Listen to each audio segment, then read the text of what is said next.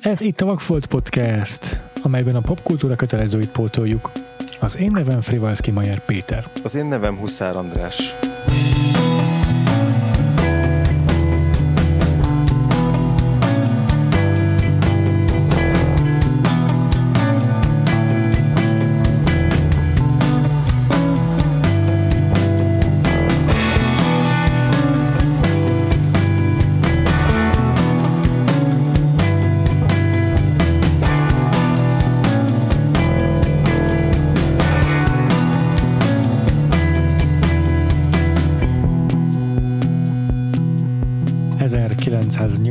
Évekbe értünk, és egy kult horrorral fogunk foglalkozni, amely egyben egy bizonyos értelemben egyfajta alműfaj megteremtője is. Valahogy mindig pont olyan filmekre esik idén a választásunk, amely egy-egy alműfajnak a megteremtője. És ez a film a An American Werewolf in London, magyarul egy vérfarkas, egy amerikai vérfarkas Londonban. És vendéget is hívtunk az adáshoz. Ismét itt ül velünk Veres Szilárd. Szia Szilárd! Sziasztok! Köszönjük, hogy eljöttél. És amikor az évad elején beszélgettünk, hogy milyen filmek érdekelnek téged a horror évadból, akkor az egyik választásod volt ez a film. Mesélsz nekünk arról, hogy mikor láttad, és igen, igen, hogy mikor láttad, és miért pont ezt választottad? Uh, nem tudom, pár éve láttam, X, hm. fogalmam nincs hány éve már.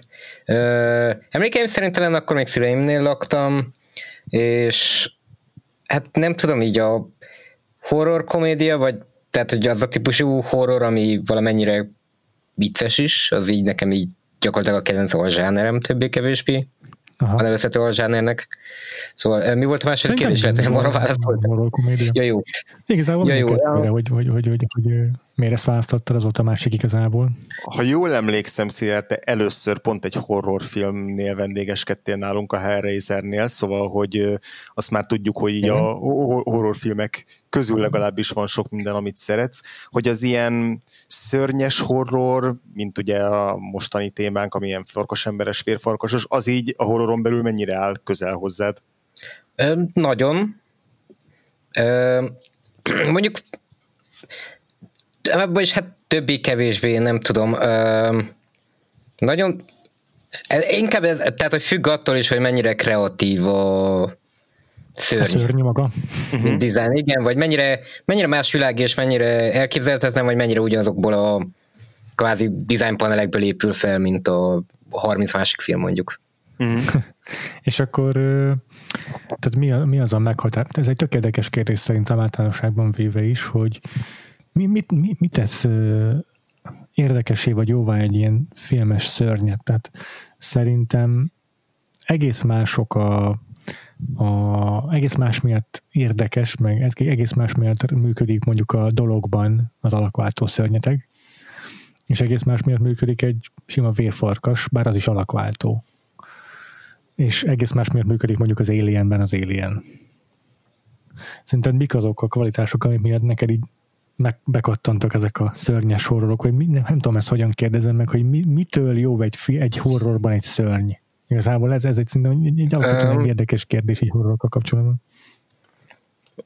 Um, szerintem kicsit összefügg a, azzal, hogy miért annyira szórakoztatóak a, volt a Patrick H. Williamsnek a Gonzo blockbusteres videója, uh-huh.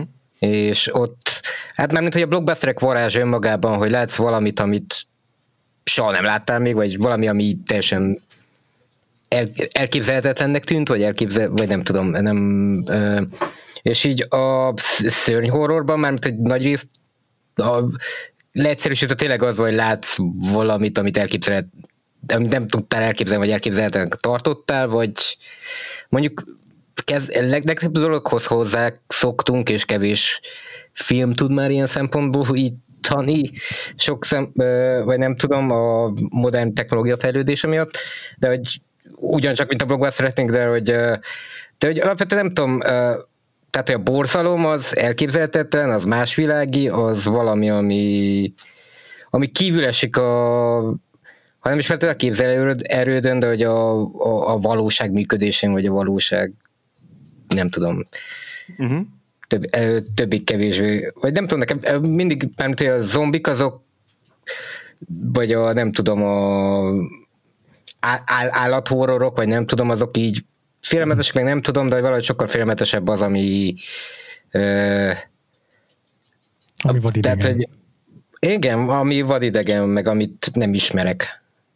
Ja. Vagy tehát ja, mégis igen. ismerhetetlen, vagy mégis ö, mi a szóra? Megismeretetlen, vagy igen, igen, igen.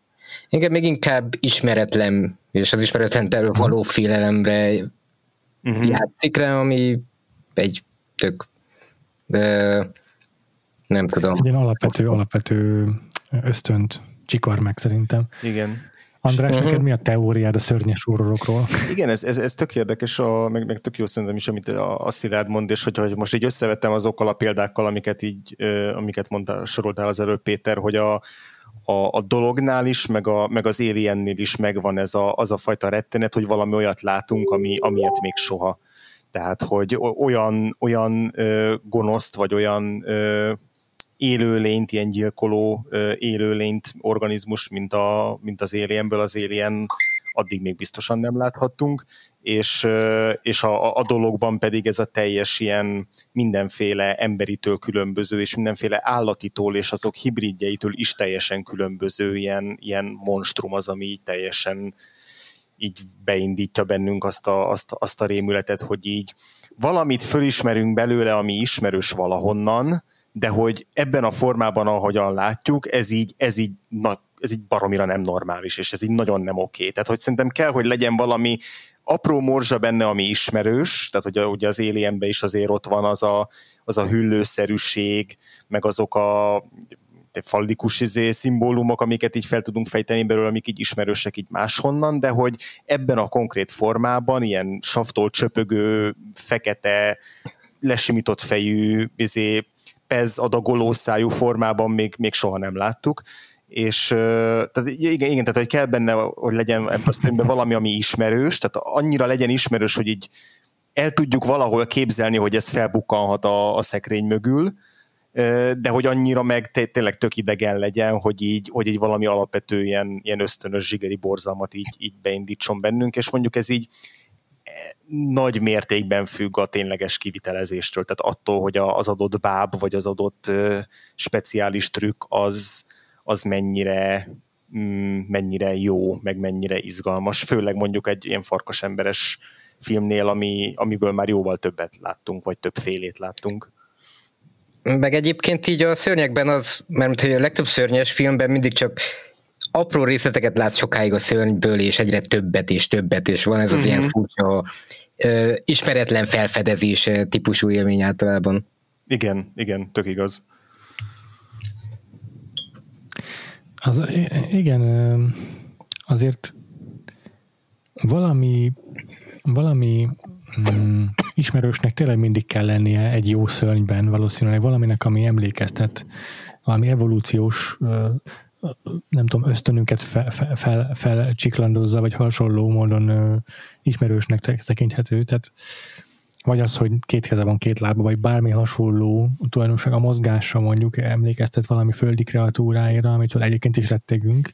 Ezek azért rengeteget számítanak igen abban, hogy, a, hogy egy szörnyet szerintem félelmetesnek tartunk-e. Oh. És igen, abban is egyetértek, hogy a, hogy a kivitelezésnek rendkívül fontos a szerepe, igen, ami még eszembe jutott, bocsánat, még, még, még egy valami, hogy ami ilyen tök érdekes kérdés, hogy nem is csak az, hogy mennyire idegen, meg mennyire ö, olyas valami, amilyet még nem láttunk, hanem hogy egész konkrétan valamiféle emberit felfedezünk-e benne, vagy ha nem is konkrétan emberi, ja. de valamiféle személyiséget. Tehát, hogy van-e személyisége annak az adott szörnynek, és akkor ebbe beletartozhat az is, hogy milyen a gondolkodása, hogy mondjuk egy, van, egy, van egy olyan ragadozó gondolkodása, ami miatt így sokkal veszélyesebb, mint, mint, mint bármi más a környezetében. Uh-huh. De lehet az is, hogy mint mondjuk a King Kongnál, hogy így beleolvasunk-e, vagy belelátunk-e, vagy felfedezni vélünk-e benne akár mondjuk pozitív idézőjelbe vett emberi vonásokat, vagy ilyen antropomorf vonásokat, ami alapján máshogy is tudunk így közelíteni hozzá hogy a szereplőkkel együtt, és ez megint csak egy farkasempernél, meg akár a, az emlegetett zombiknál is egy ilyen nagyon kiemelt kérdés, hogy, hogy hol kezdődik az ember, meg hol, hol végződik a szörnyeteg. igen, igen. És a kivitelezéssel kapcsolatban meg, meg, meg tényleg azért az igazolja az, hogy rengeteget számít a minősége, hogy, hogy még máig nem tud szerintem Hollywood felmutatni olyan CGI szörnyeteket, amely felveszi a versenyt ezekkel a 80-as évekbeli horror szörnyetegekkel, akiket maszkmesterek teremtettek, meg, meg bábusok, nem tudom. ezzel csak akkor nem, ezzel talán nem értek egyet attól függetlenül, hogy mert hogy CGI-t használtak a... Ez egyébként egy kérdésem lett volna, hogy melyik volt a utolsó, ha nem is klasszikus szörny horror, de film, amiben a szörny ennyire nagyon érdekes volt. Szóval, hogy az Annihilation, hogyha CGI-jal készült, akkor ez simán nálam. Vagy annak a, nem konkrétan egy szörnye van, hanem a szörnyei, vagy a világa, vagy az egész ha számít. Igen, igen, értőleg. Uh-huh, persze. Ja, ez, ez, ez jó, jó, jó, jó pont, amit mondasz, mert abban az a medvedisznó ember, meg a furcsa, már félig megrothatott őz, azok tényleg iszonyatosan jól néznek ki. Mm, engem az egy kicsit ott le, ledob, a, ledob az a lánc, hogy, hogy azért látom, hogy olcsóbb az a CGI, mint amit egy blockbuster-től megszoktam. Hogy azért látom rajta, na, de abban a környezetben szerintem, vagy nem tudom nekem, abban a filmben, abban a környezetben működik, mert valahogy megteremt egy ilyen mesterséges hatás, vagy nem mesterséges hang, nem tudom, olyan ilyen ez, ez, ez egész egy ilyen, nem tudom, magában egy ilyen furcsa, nem, nem is, talán nem is a mesterséges a jó szó rá, nem, teljesen értem. Igen, igen, én is érzékelem. Valóban így az organikus meg szintetikusnak egy ilyen fura keveréke. Igen, tehát, hogy, hogy kicsit ilyen majdnem álomszerű, hogy mi, igazinak tűnik, de valahol mégsem tűnik teljesen igazinak. Úgy minden. Igen.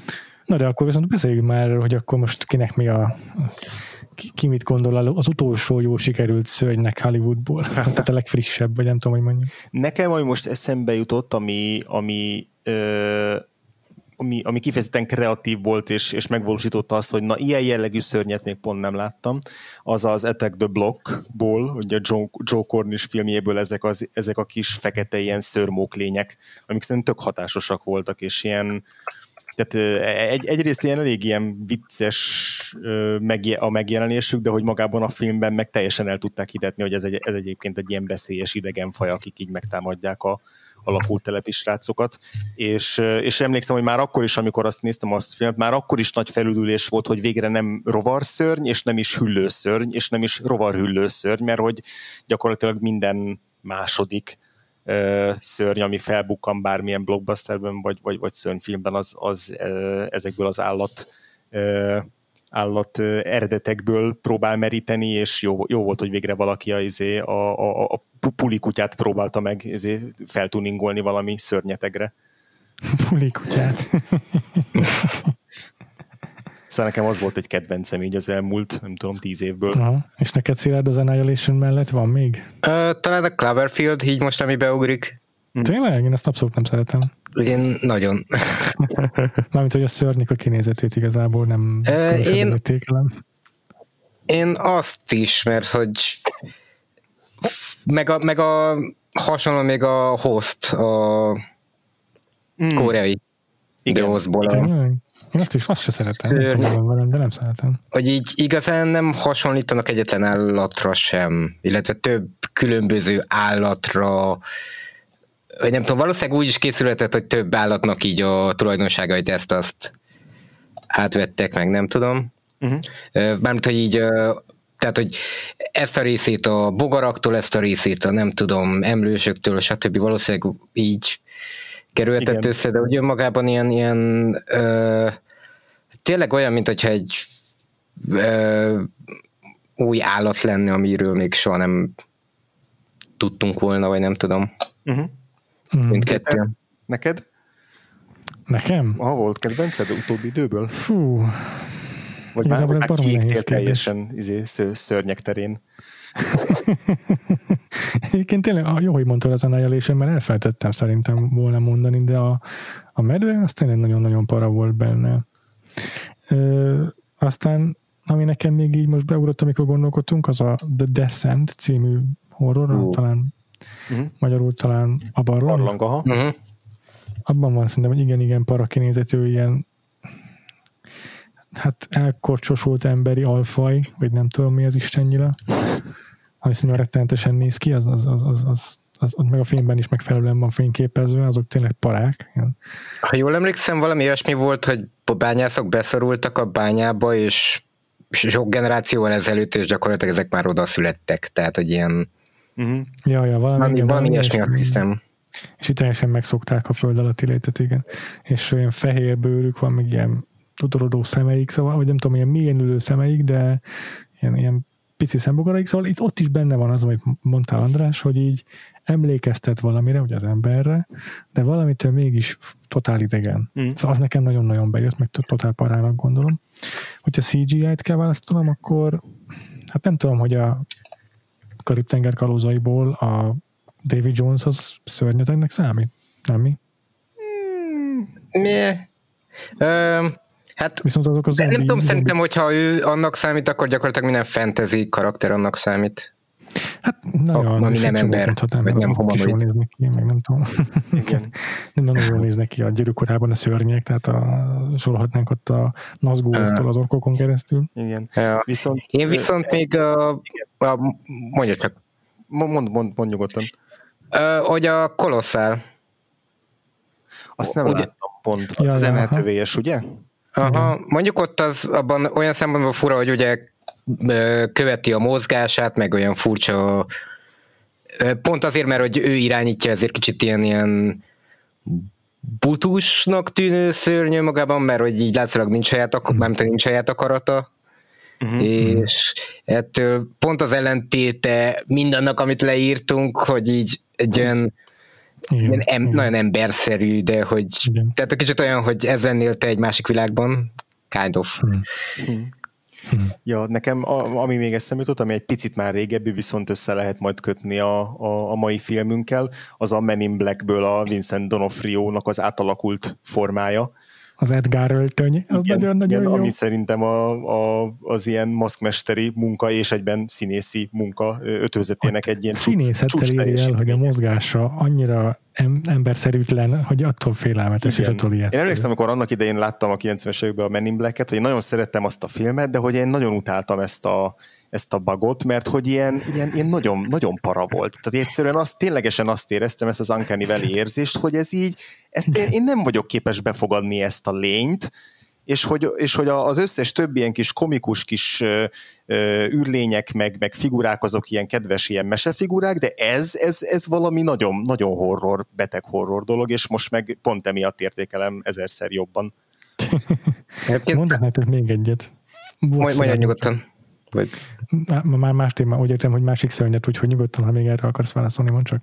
Ja nem, csak így egy ilyen apró megjegyzés, hogy a, nem tudom, valamiért nekem a legfélelmetesebb szörnyek azok, amik a legbogárszerűbbek, vagy legrovarszerűbbek. Hát, ja. vagy, vagy, vagy víz alatt élnek. Tehát ez a kettő. Nekem a hüllő még azért eléggé ott van a top, top listámon, a félelmetes szörnyek között a hüllőszerű mozgás. Az is, bár, bár nem tudom, nekem az így sárkányra asszociálok, meg, meg a Jurassic Park nagyon jesztő szerintem a nagy dinoszaurusz, nem tudom, a legjesztő dinoszauruszok benne, de hogy Aha. Hm? nem tudom, az így gyerekként hozzászoktam. Meg nem tudom, így a, a természetben a hüllőkkel változó, hogy melyikkel, de úgy önmagában a hülőkkel nincs gondom, míg a bogarakkal Jó, minden formájában, mindenféle. a, le, a, leg, a, leg, a legfélemetesebb. És egyszerűen undorítónak is tartom őket, de, hogy, de mármint, hogy nem csak így, mint a külsőre, meg nem tudom, meg esztétikailag, hanem ahogy működnek, ahogy igen, igen, minden, a, ami igen. velük kapcsolatban igen, ezek a, nekem, a, nekem az a non plus ultra, azok az ilyen ezerlábúak. Ami csodát, Ki a, a Prometheusok, az ezer lábúak, meg az ilyen ja, igen, igen, igen. szörnyű hosszú szervényezett testűek, úgyhogy be is ugrott erről a Prometheus, amiben szintén volt egy ilyen lény. Na még amit akartam mondani, mert szintén beugrott a CGI szörnyek között, hát végül is ez is ilyen kérdőjeles, mert értelmes fajról van szó, de a District 9-ban az idegenek. Uh-huh. Ó, igen. Annak a dizájnja szerintem nagyon eredeti lett. Szerintem is, igen. Hmm. Mondjuk ők nem szörnyek, Hát nem, végül is nem, persze. Lehet azt mondani, hogy az izé a, a, a főszereplő, aki szörnyetegi változik a végére, az, az már szörnyetegnek számít, mert ő az ja, hát tek, technikailag szörny, narratíván belül nem az, illetve, az, illetve a narratíva arról próbál meggyőzni, hogy ők nem szörnyek. ja, ja, ja. Igen. Ja. Na jó van. Ö, szerintem ez egy tökéletes téma, és mindenképpen beszéltünk még arról, hogy mik az előnyei, meg hátrányai a, a CGI-nak versus a, a maszkmesteri munkának. Mert ugye itt a vérfarkasos filmünkben az egyik ilyen igazán korszakalkotó húzás, az a iszonyatosan jó kivitelezett vérfarkas jelmez, meg egyébként is nem csak a vérfarkas jelmez, hanem a, az áldozatainak a, az élethű bemutatása is nagyon-nagyon kreatív lett. Uh-huh. Úgyhogy picit beszéljünk, akkor szerintem, nem tudom, ebből az irányból kezdjük el, szerintem, vagy inkább... Szerintem mehetünk erről, hogyha már úgyis így a, a szörnyekkel kezdünk, és ugye, ugye akkor itt kell kiemelni rögtön a Rick Baker-t, a, aki uh-huh. a már emlegetett Men in Black-beli Moszkókaért is felelt, plusz Oscar díjat is kapott érte, és, és ezért a filmjéért is. Azt hiszem ez volt az első Oscar díja. A, Sőt, konkrétan ezért a filmért csinálták meg azt a kategóriát, a, igen, a Best Make-upot. make kategóriát, és hát ő, ő egy ilyen abszolút nagy legendája a szakmának. Meg így ez, ezzel, ez volt az első nagy dobása gyakorlatilag, mármint hogy így ezzel vált menő szakember így gyakorlatilag. Igen, igen, igen ez, ezért találta meg magának a, izé, a, a Michael Jackson a Thriller videóért. Hát ezt a John Landis rendezte pluszban. Ja, plusz, igen, igen, igen, igen. De hogy itt rögtön 81-ben is tök érdekes, hogy, hogy dolgozott, mind, itt két vérfarkasos film is volt, a, a mi filmünk, a, az amerikai farkasember Londonban, meg a The Howling, a, a Joe Dante-nak a filmje, az is 81-es, és azon is dolgozott, szóval rögtön egy ilyen dupla vérfarkasos indítása volt a karrierjének. Ő egy ilyen vérfarkas atya úristen, mert utána meg megcsinálta a Jack Nicholsonos farkast, uh-huh. meg a Benicio del Toro-s Wolfman is. Az, azt is ő csinálta? Nagyon jó. Azt is ő csinálta. Abba gondolom már némi CGI-jal azért kiegészítették a átalakulásnak a, az ábrázolását, de amúgy igen, ő csinálta. Hmm. És szóval úgy tűnik, hogy ha félfarkas, akkor Rick Baker. Igen. És hát ugye ne feledjük az X-Men The Last Stand című filmet, amiben vérfarkas nincs ugyan, de farkas...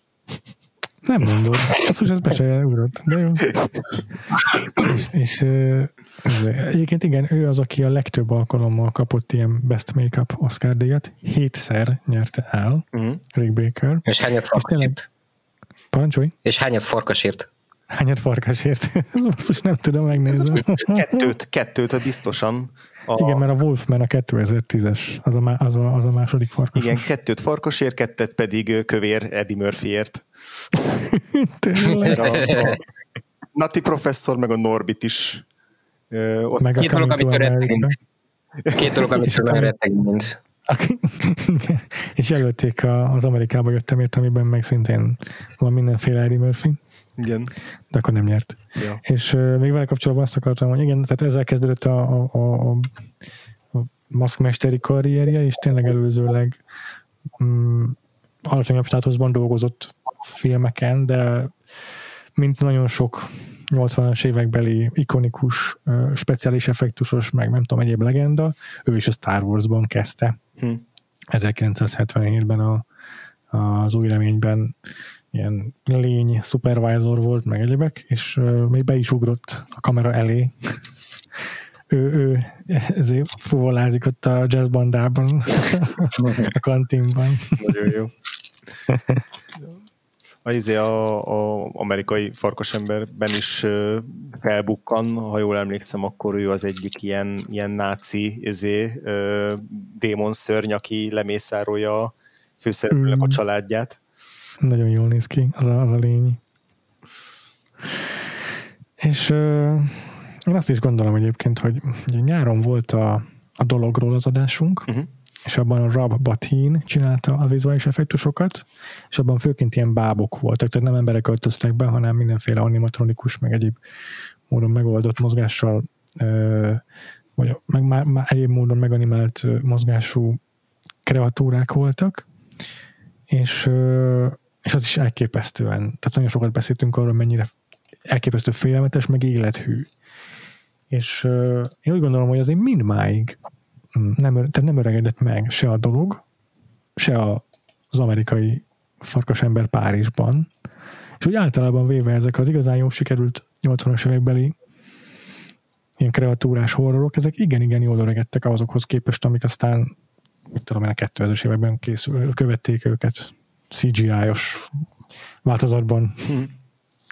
Szerintem tök jó, a, hogy, hogy ebben, ebben a filmben is megvan az, amit a, amit a Szilárd mondott, hogy így apránként adagolják nekünk a, a szörnyet, illetve magát a, a maszkmesteri munkát is, tehát hogy ugye már a film elején felbukkan a, a farkasember, de akkor még csak ilyen villanásnyi pillanatokig, amikor a, a főszereplőinket, a két főszereplőnket elkapja a, a lápvidéken, és, és igazából még csak így pont annyit látunk belőle, hogy ténylegesen tudjuk, hogy igen, ez egy, ez egy baszom nagy állat volt, de hogy, de, hogy, de hogy igazából utána eltelik újabb, nem tudom, majdnem fél óra vagy húsz perc anélkül, hogy farkasembert látnánk, maximum ilyen álom jelenetekben tűnnek fel különböző szörnyetegek, de hogy mire eljutunk oda, hogy először tényleg teljes pompájában megmutatkozhat a nagyon hosszú és zseniális átváltozás jelenetben, akkor az így tök jól tud működni, mert nagyon fel van vezetve odáig, hogy, hogy így, így gyakorlatilag, mint hogyha egy ilyen neonlámpával így villogtatnának, hogy mindjárt jön a farkasember, mindjárt jön a farkasember, és így annyira fel van hype hogy, hogy, hogy tök jól tud működni, amikor így tényleg így egyszer csak egy perceken keresztül csak azt látjuk, hogy megjön a farkasember. Igen, és ezt ö, tegyük hozzá azt is, hogy nem sok, hogy megjelenik a farkasember, hanem hanem van egy igen-igen hosszúra nyújtott és alaposan kidolgozott átváltozási szekvencia is a filmben, ami megint csak mesterien sikerült. Na, igen, az az, igen, igen. Tehát, hogy így oké, okay, hogy be tudnak maszkírozni egy ember vérfarkasnak, de az átváltozás folyamata, hogy így a végtagjai megnyúlnak, meg egyszerre hirtelen kiszőrösödnek, minden, ez is makulátlanul van megoldva. Az abszolút a csúcs a filmnek. Uh-huh, uh-huh. Abszolút. Abszolút, de egyszerűen a film is úgy kezeli, hogy gyerekek, ez most itt a csúcs jelenet, ezt úgy nézzétek. Hmm. Yeah.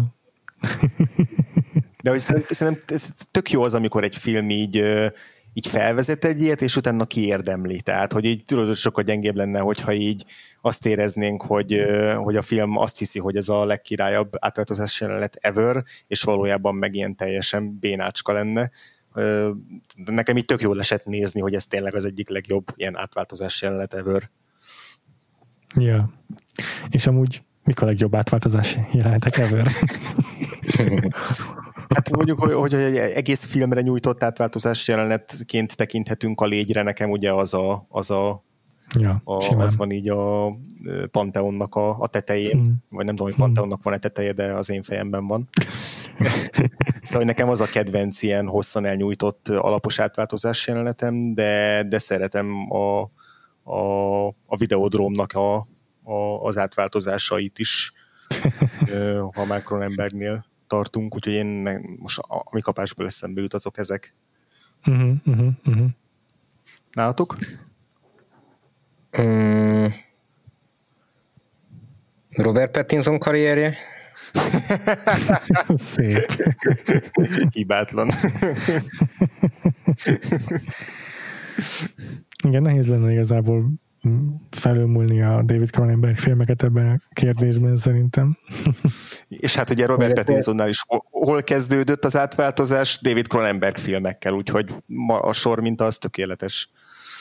Nem mondott tényleg. Cosmopolitan, vagy mi volt a címe?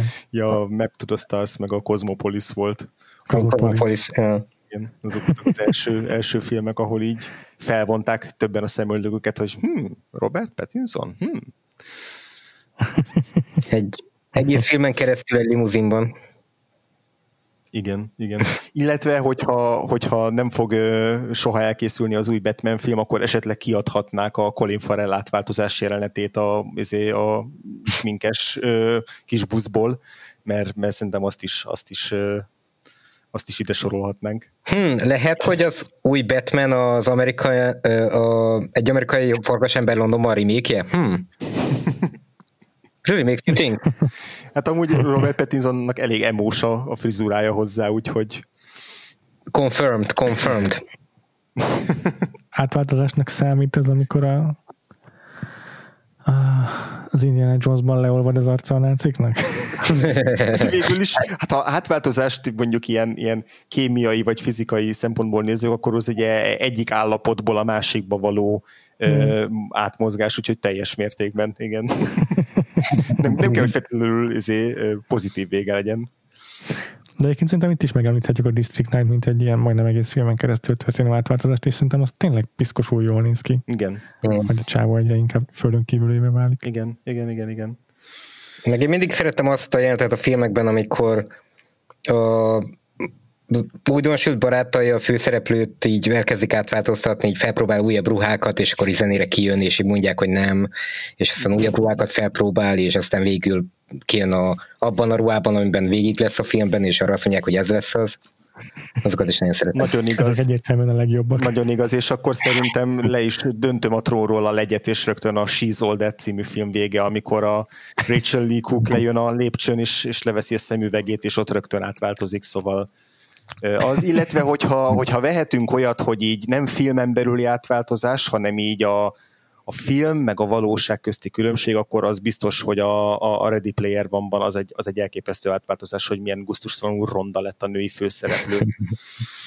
Ugye, mint azt mindannyian tudjuk, hogy egyszer rá se lehetett nézni. Igen, tehát, hogy az, azért maszk, igen, csak annyi, hogy maszkmesteri munkaként, meg tehát az, az, az, Nem is értem, hogy nem nyert Oscar. Hát borzongató, hát borzongató. Rablás. Mondjuk a, ez a szupermodellek Photoshop előtt és Photoshop utáni képei, és úristen. De a másik legrosszabb átalakulás az a Superman és Clark Kent. Tökéletes. Igen. Igen. És már is nem ismerik fel. ja. Vérfarkasok közötti átváltozásban egyébként szerintem, szerintem vannak kihívók. Én a Wolfman, tehát a Benicio del Toro félében nem láttam a filmet, de azt a jelentet külön megnéztem többször, és ez nagyon tetszik, ahogyan átváltozik ott a Benicio del Toro vérfarkasra. Igen, csak Szilárdnak mondom így külön, hogy, hogy mint azt megtudtam így a, a horror évadunk eleje felé, Péter ki, kifejezetten farkas ember Stan, úgyhogy... Én az majd Patreonon ezért hangoztattam először. Aha, akkor most már, most már ideje nyíltan is felvállalnod ezt a, ezt a rajongásodat, mert hogy, mert hogy most akkor ez az adás, ez, a, ez az a pillanat, amikor, amikor ezt maximálisan kiélheted, és a, és a, a lór összes apró cseprő részletét felvonultathatod, és csak azért mondom, hogy... Itt I can do this all day. Itt Igen. az ideje, hogy farkas posztoljon main. Félre, tényleg, egyébként ez egy szerintem egy örvendetes dolog számomra, hogy végre a Ford Podcastban vérfarkasokkal foglalkozunk. nem, igazából nem álltam, hogy olyan nagyon-nagyon sok vérfarkasos filmet láttam, tehát mondjuk a klasszikus The Wolf, Soul Man, a Lon Chaney Jr. az még kimaradt, uh-huh. meg azt hiszem, hogy volt egy eredeti Werewolf in London, vagy nem tudom micsoda, ami eh, gondolom a címét köszönheti a, az American Werewolf in London annak, azt sem láttam. Meg hát mondom, a Benicio del toro se még. Uh-huh. De összességében véve viszont, mint irodalmi, meg egyéb ö, médiumok szörnyetege, én nagyon-nagyon bírom a vérfarkasokat tényleg. Mm, akkor téged kérdezlek, mint vér, vérfarkas expertet. Szóval, hogy mit, szoktak mit szokott a leggyakrabban jelenteni a vérfarkas, vagy minek a jelképe? Fú, ezen rengeteget gondolkodtam az adás elején is, hogy mit szokott jelenteni, hát ezt őszintén illetve, szólva, csak illetve csak, csak a pillanatra, hogy mármint, hogy hasonlóan, mint a vámpírokhoz, hogy nagyjából ugyan, nagyon hasonló dolgokat jelent a legtöbb dologban, vagy szinte minden, mindenben valami mást? Hát ez, ez, ez nagyon-nagyon jó kérdés szerintem. És nem tudom rá megmondani a biztos választ, mert, mert szerintem uh, ahhoz azért nem rendelkezem megfelelő mélységű tudással. De biztos vagyok benne, hogy van igen több különböző értelmezése. Szerintem azért a, vér, a vér, hmm, a vámpír és a vérfarkas közül melyik rugalmasabban értelmezhető, ez egy nagyon érdekes kérdés. Hmm, talán lehet, hogy igazad van abban, hogy a, a, a vámpír az egy picit egyoldalúbb. A franc tudja. Pedig egyébként így versre azt mondanám, hogy a farkas ember a, Tehát, hogy kevésbé sok fajtán értelmezhető tekint, hogy valami, ami benned van, és a rossz oldalad. Ja. Igen, mert az lenne az első, amire gondolsz, hogy ez így a, a az ilyen... Ja, tehát milyen történetet tudok elmesélni ezzel? Tessék? Tehát, hogy milyen történetet tudok elmesélni ezzel, és így nagyjából valami. Hát ja, ez a, kb. a Dr. Jekyll és Mr. Hyde, a Hulk kategória. Igen, igen, tehát szerintem így a, a, ez a amilyen általános téma, mert ezen is gondolkoztam, hogy, hogy, hogy például ez, ebben a filmben minek lehet mondjuk a metaforája a, a vérfarkas, vagy, vagy mit jelképezhet, hogy, hogy amilyen nagyon egyértelmű az ez a kontrollvesztés kérdés, tehát hogy az, hogy, az, uh-huh. hogy így van benned valami, ami, ami fölött nem fogsz tudni uralkodni, és átveszi fölötted a, a, a hatalmat, és hogy szerintem most se véletlen, hogy a, a legtöbb farkas ember az, az a filmekben legalábbis az mindig férfi, tehát hogy van ez a a Igen. férfi erőszak és erőszakosság Igen. megzabolázhatóságának, vagy megzabolázhatatlanságnak a kérdése. Tehát az, hogy, az, hogy valaki valaki veszélyt jelent majd a szeretteire, csak azért, és, és nincs is tudatában, mert, mert, mert bizonyos időközönként így el fog szabadulni belőle ez az ilyen vérszomjas indulat. Tehát szerintem kb. ez, a, ez az, ami majdnem minden vérfarkasos filmben megjelenik, meg történetben.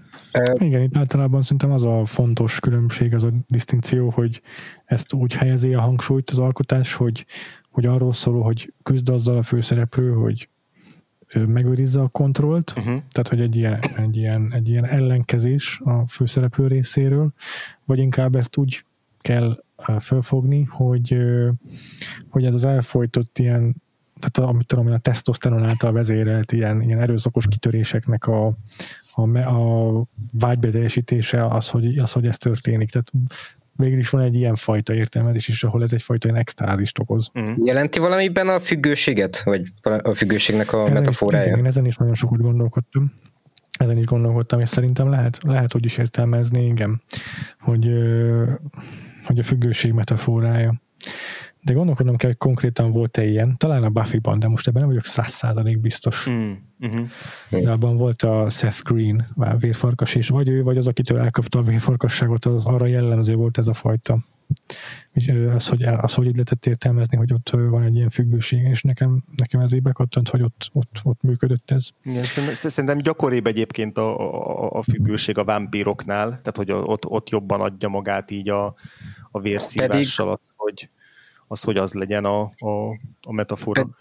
Jó, de hogy az, az kicsit az másfajta függős, mert hogy hogy mondjam, kevésbé jó metafora szerintem a való életbeli függőségre, hmm. mint inkább a hatalom, vagy a kontrollvágyra, vagy az e- ezzel kapcsolatos ilyen, hát nem tudom, sokkal inkább ilyen önző, vágy beteljesítés típusú függőségek, míg a tehát, hogy a, a leghétköznapi függőségekre ja. inkább illik a vérfarkas, mert hogy nem tudod kontrollálni, a legrosszabbat az, aki belőled, és tönkreteszi az életedet, és mindenki másét is körülözte. Tök igaz, igen, meg ez a, ez a kivetkőzés dolog, hogy kivetközöl önmagadból, de hogy valójában igen, tehát hogy van valami, ami hogy akkor most kivetközöl magadból, vagy csak van benned valami, ami kihozza a legrosszabb énedet. Hmm. Igen. Aztán, ami még így szintén említhető, az a J.K. Rowlingnál a likantrópok, azok ő szerint, az ő értelmezése szerint a szexuális úton terjedő betegségeknek a metaforái, tehát ugye mivel a vérfarkasok általában egymást megharapva terjednek, ez is egy viszonylag egyszerű metafora, meg ö, szerintem ami ebben a filmben két nagyon hangsúlyos metafora, az egyik az a, az ilyen durva szexualitásnak a vágya, tehát ez is egy tök jó párhuzam a vámpírokkal, mert vámpírokat általában ilyen csábító, azért, ö, sármos, lehengellő alakokként szokás ábrázolni, akik, mit tudom én, ilyen, ilyen szexistenek. A vérfarkasok meg széttépnek az ágyban. Tehát lehet, hogy nagyon jó velük a szex, de biztos, hogy másnap százezer zúzódással kezd fel. Hmm. Hot. És a... Bocs, csak. Hot. Ott. és, és a másik, ami ehhez kapcsolódik, és ebben a filmben szerintem hangsúlyos, az meg a, a pubertáskornak a metaforája, a szexuális felébredés, ami szintén egy ilyen komoly testi átváltozással is jár, mert a hormon termelés beindulása az így izmossá is teszi az embereket, meg egy csomó, tehát a nőknél ugye beindul a, a havi ciklus is, egy csomó fizikai változáson mész át a pubertás kor alatt, és, és ezek a kontrolláltatlan vágyak is megjelennek, mert a, kamaszok ugye gyakran tudom én, nem tudják leplezni sokszor az indulataikat, érzelmeiket, és ez totál ilyen vérfarkas szindróma szerintem. Hmm, el, kinagyítva. Szerintetek a, a David meg a Jack ilyen kamaszkorhoz állnak közelebb a filmben, vagy a, úgy, úgy kéne tekintenünk rájuk? Mert azt tudom, hogy ott az... Az, az... a kamaszból már kinőttek, az biztos, de van egy ilyen szex, van egy ilyen, egy ilyen nagyon kamaszos, tehát ilyen késő kamaszos felfogásuk a szerelemről, meg a szexről. Ja, igen, fölvött az elején a, a beszélgetésükben. Igen, igen, igen, igen. Ja. Nekem ami Én tudtam, hogy ezt kell mondanom. Aha, mondjuk ott. Nem, most neked az elsőség. Jó, nem, nem csak, hogy uh, valljuk be nagyon jó metafora a liftben fingásra is. az is ugyanúgy fertőz, ha egyszer valaki Jön belőled, nem tudod kontrollálni az emberek hát metaforikusan fákjákkal akarnak neked menni. Igen, és, és pár, párjává válsz a, a közösségen belül. Igen, igen, és ugye, ugye felmerül mindig a kérdés, hogy nézd, nézd a tenyeredre, és ugye aki a tenyerére néz, az, az, az fingott, és ugye ebbe a filmbe is a tenyér az, ami először átváltozik, úgyhogy Egyébként természetesen bármelyik ötletünket felhasználják, az annak örülünk, de pénzbe fog kerülni. Igen, a copyright jelet kitesszük az adásra. Igen, különösen a fingós. Különösen a fingós. Igen. Nekem amúgy, ami még konkrétan er- ennél a filmnél eszembe jutott, mint egy ilyen ö, téma, amit így, amit, amit így felvet ilyen metaforaként, bár szerintem úgy Isten igazából ez, ez nem az a film, ami olyan nagyon komolyan akar valamilyen allegóriát végigvinni, de hogy egy, egy időben felmerült bennem, hogy, hogy hmm. esetleg ez, ez lehet egy ilyen mögöttes ilyen subtext, hogy az a, az a Survivors Guild, tehát a, ugye a túlélőknek a, a bűntudata, mert hát ugye a két főszereplő közül az egyik az, aki, aki életben marad, a David, és egész konkrétan kísérti őt aztán a film hátralévő részében az egyre foszladozóbb Jack a, a, a túlvilágról, és, és hogy van egy viszonylag hosszú szakasz a, a film közepén, ahol, ahol ténylegesen azzal küzd a, a, a főszereplő a kórházban, hogy, hogy hát ő, ő, ő megmaradt, és és mondom, hogy ez nem viszi igazán én következetesen így végig a film ezt a, ezt a kérdést, vagy ezt, a, ezt az érzést, de hogy szerintem a Davidben abszolút megvan az, hogy, hogy, hogy nem akarja elfogadni azt, hogy, hogy, hogy ő így megváltozott ezáltal az egész esemény által, és hogy, és hogy ő, ő, ő is így megbélyegződött. Tehát hogy az, hogy a, az, hogy a Jack ugye valahányszor felbukkan neki a halála után, azt mondja, hogy, hogy neked végezned kéne magaddal, mert, mert mert át fogsz változni majd szörnyeteg, és tönkre fogod tenni a, a körülötted lévők életét, és ő pedig ezzel ellen hadakozik, hogy ő nem, nem akarja elvenni a saját életét, és, és tagadja azt, hogy ez, hogy ez majd be fog következni. Tehát, hogy szerintem ebben van egy nagyon pici ilyen párhuzam. Ez teljesen jól működik szerintem. Igen, igen. És, és még tök érdekes, hogy ezek így benne vannak a filmben, mert hogy én, is azt tudtam a, a, az amerikai Farkasember Londonbanról, hogy ez egy horror vígjáték, és így úgy is ültem hozzá, és a film elején a párbeszédek is eléggé afelé bittek, és engem egyébként eléggé meglepett az, hogy abszolút vicces a film, meg, meg, meg van egy csomó komikus eleme, de hogy közben belengi az egészet ez a fajta ilyen elkerülhetetlen végzetesség, meg ilyen szomorúság, az, hogy gyakorlatilag így a film felétől tudjuk, hogy a Davidnek kampac lesz a, a végére, és, és szóval engem így, így tonálisan vagy hangulatilag ez lepett meg a legjobban a, a filmben, hogy milyen jól tudott együttműködni a, a komikum, ami főleg inkább talán ilyen jellem komikum volt így a szereplők között, meg így a párbeszédekben. Azért volt pár szitkom jelenet. Akkor ezeket is majd ki, ki kivesészhetjük. Meg Jó. kicsit a, a filmzene használat nekem ilyen, hogyha ja. Suicide Squad tudatos lett volna. Ja, igen, igen, az abszolút, hogy ez a, ez a, a ö, vicces. A lehető legnyilvánvalóbb, de közben legnyilvánvalóbban vicces szám. Igen, meg mindenképpen csak és kizárólag ironikus betétdal használat. Igen. Jaj, tényleg, tényleg itt a betétdalok is már fontos szerepet játszanak, igen, igen, igen. igen mindegyiknek benne van valamilyen, szem, valamilyen moon a címében, meg a, meg a szövegében. Egyrészt kapásból. Mind ilyen, ilyen hallásos mind arra, ami éppen történik. Abszolút, igen, igen, és hogy közben meg teljesen ez a 90-es évektől ilyen óriási, ugye Tarantino nagyon óriási divatot, divatotba jövő vicces hangulatú, vagy könnyed hangulatú betétdal a, a, a borzalmas és véres jelenetek alatt, az is, az is már itt simán megvan. Ezt, ezt teljesen itt muszáj megemlíteni Edgar Wrightot is, uh-huh. a horror komédiának a modern Akinek tudom, az egyik kedvenc filmje az, bocsánat, vagy uh-huh. akinek pont a kedvenc filmje, az egyik kedvenc filmje, vagy nem tudom, valami volt valami lista, ahol valami volt egy top 5-ben volt, vagy top 10-ben, az a, az amerikai farkas ember Londonban. Simán elhiszem. Igen. Tehát a, a első vagy második Cornetto trilógiának a horror komédia vegyülete, az, az tökre, tökre visszavezethető idáig szerintem. Hmm. Egy, gyakorlatilag nem létezik olyan top lista, amit Edgar Wright csinál, és nincs benne az a film. A Criterion top 10 is benne volt, azt hiszem mindenben benne van általában. Igen, és a, izé a, a Shaun of the Dead-ben a, ez az ilyen deadpan párbeszéd, a, a, főleg a film elején a, a Simon Pegg meg a meg a basszus, hogy hívják a... Nick Frost. Nick Frost, köszi. Tudtam, hogy Frost, csak nem tudtam, hogy milyen Frost. Tehát Simon Pegg meg a Nick, Nick, Nick Frost között az... az, az Frost Nixon. De, ajaj. Egy újabb farkas emberes történet. szóval igen, hogy az ő, ő párosuk, meg az ő párbeszédék, azok szerintem így, így sokat köszönhetnek a, a David és Jack párosának a, a farkas emberből meg van köztük egy hát ilyen nagyon, a filmben. nagyon laza és könnyed, ilyen easygoing pár kémia. És abban a filmben is végül, hogy mondjam, a, az életben maradt szereplő még haverságban marad a már meghalt szereplő barátjával. ja. Meg a helyzet egyszerre komo, nagyon komoly, és egyszerre közben meg mint senki nem venni teljesen komolyan.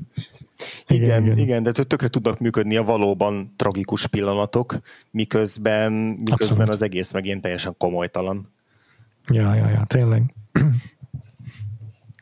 Na csak egy picit meséljük, meséljük el már a nézők, a hallgatóknak, hogy mi a fenéről szól a, az amerikai farkasember Párizsban, hogyha címéből nem derült volna ki a komplet premissza.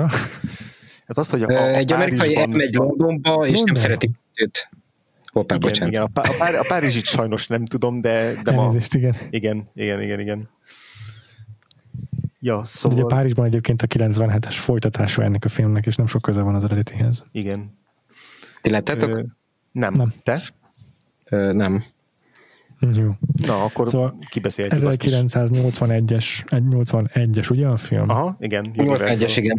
John John Landis rendezésében, aki soha nem követett el semmit, és egy abszolút nagyon jó fejember. Uh-huh, így van, és a csal- családokaként is elsőrangú. És a gyerekeiről nem is beszélve, csak állatosak mind. Teljes igen. mértékben, igen. És ö, egy haver, két haverből álló ö, társaság megérkezik Amerikából, Londonba egy hátizsákkal, és ö, hát így csajozni mennek elsősorban. Igen, nagy, nagy, aztán... nagyszerűen választják ki a, a, az ész, ész, észak-angol izé, e, mocsarat arra, hogy, hogy itt becsajozzanak, mint ahogy fel is hívja erre a figyelmet a, a Jack, igen, a Davidnek, igen, hogy talán, talán Rómába kellett volna kezdeni ezt a körutat.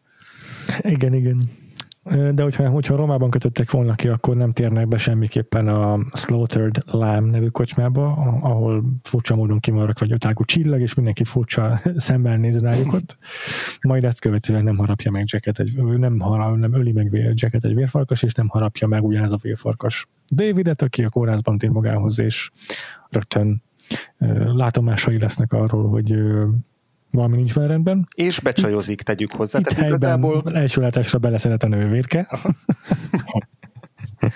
Ahogy egy 80-as évekbeli filmben eznek kötelezően meg kell történnie. És uh, hamarosan azon kapja magát, hogy következő teliholdkor ténylegesen vérfarkassá változik. Ám eddigre ő már összegabajodott ezzel a nővérrel, és nem nagyon hisz neki senki, kivéve egy két, uh, nem tudom, Egy, egy, egy ember, azt az orvos is csak neki, ugye? Igen, igen, igen, igen. kb. igen.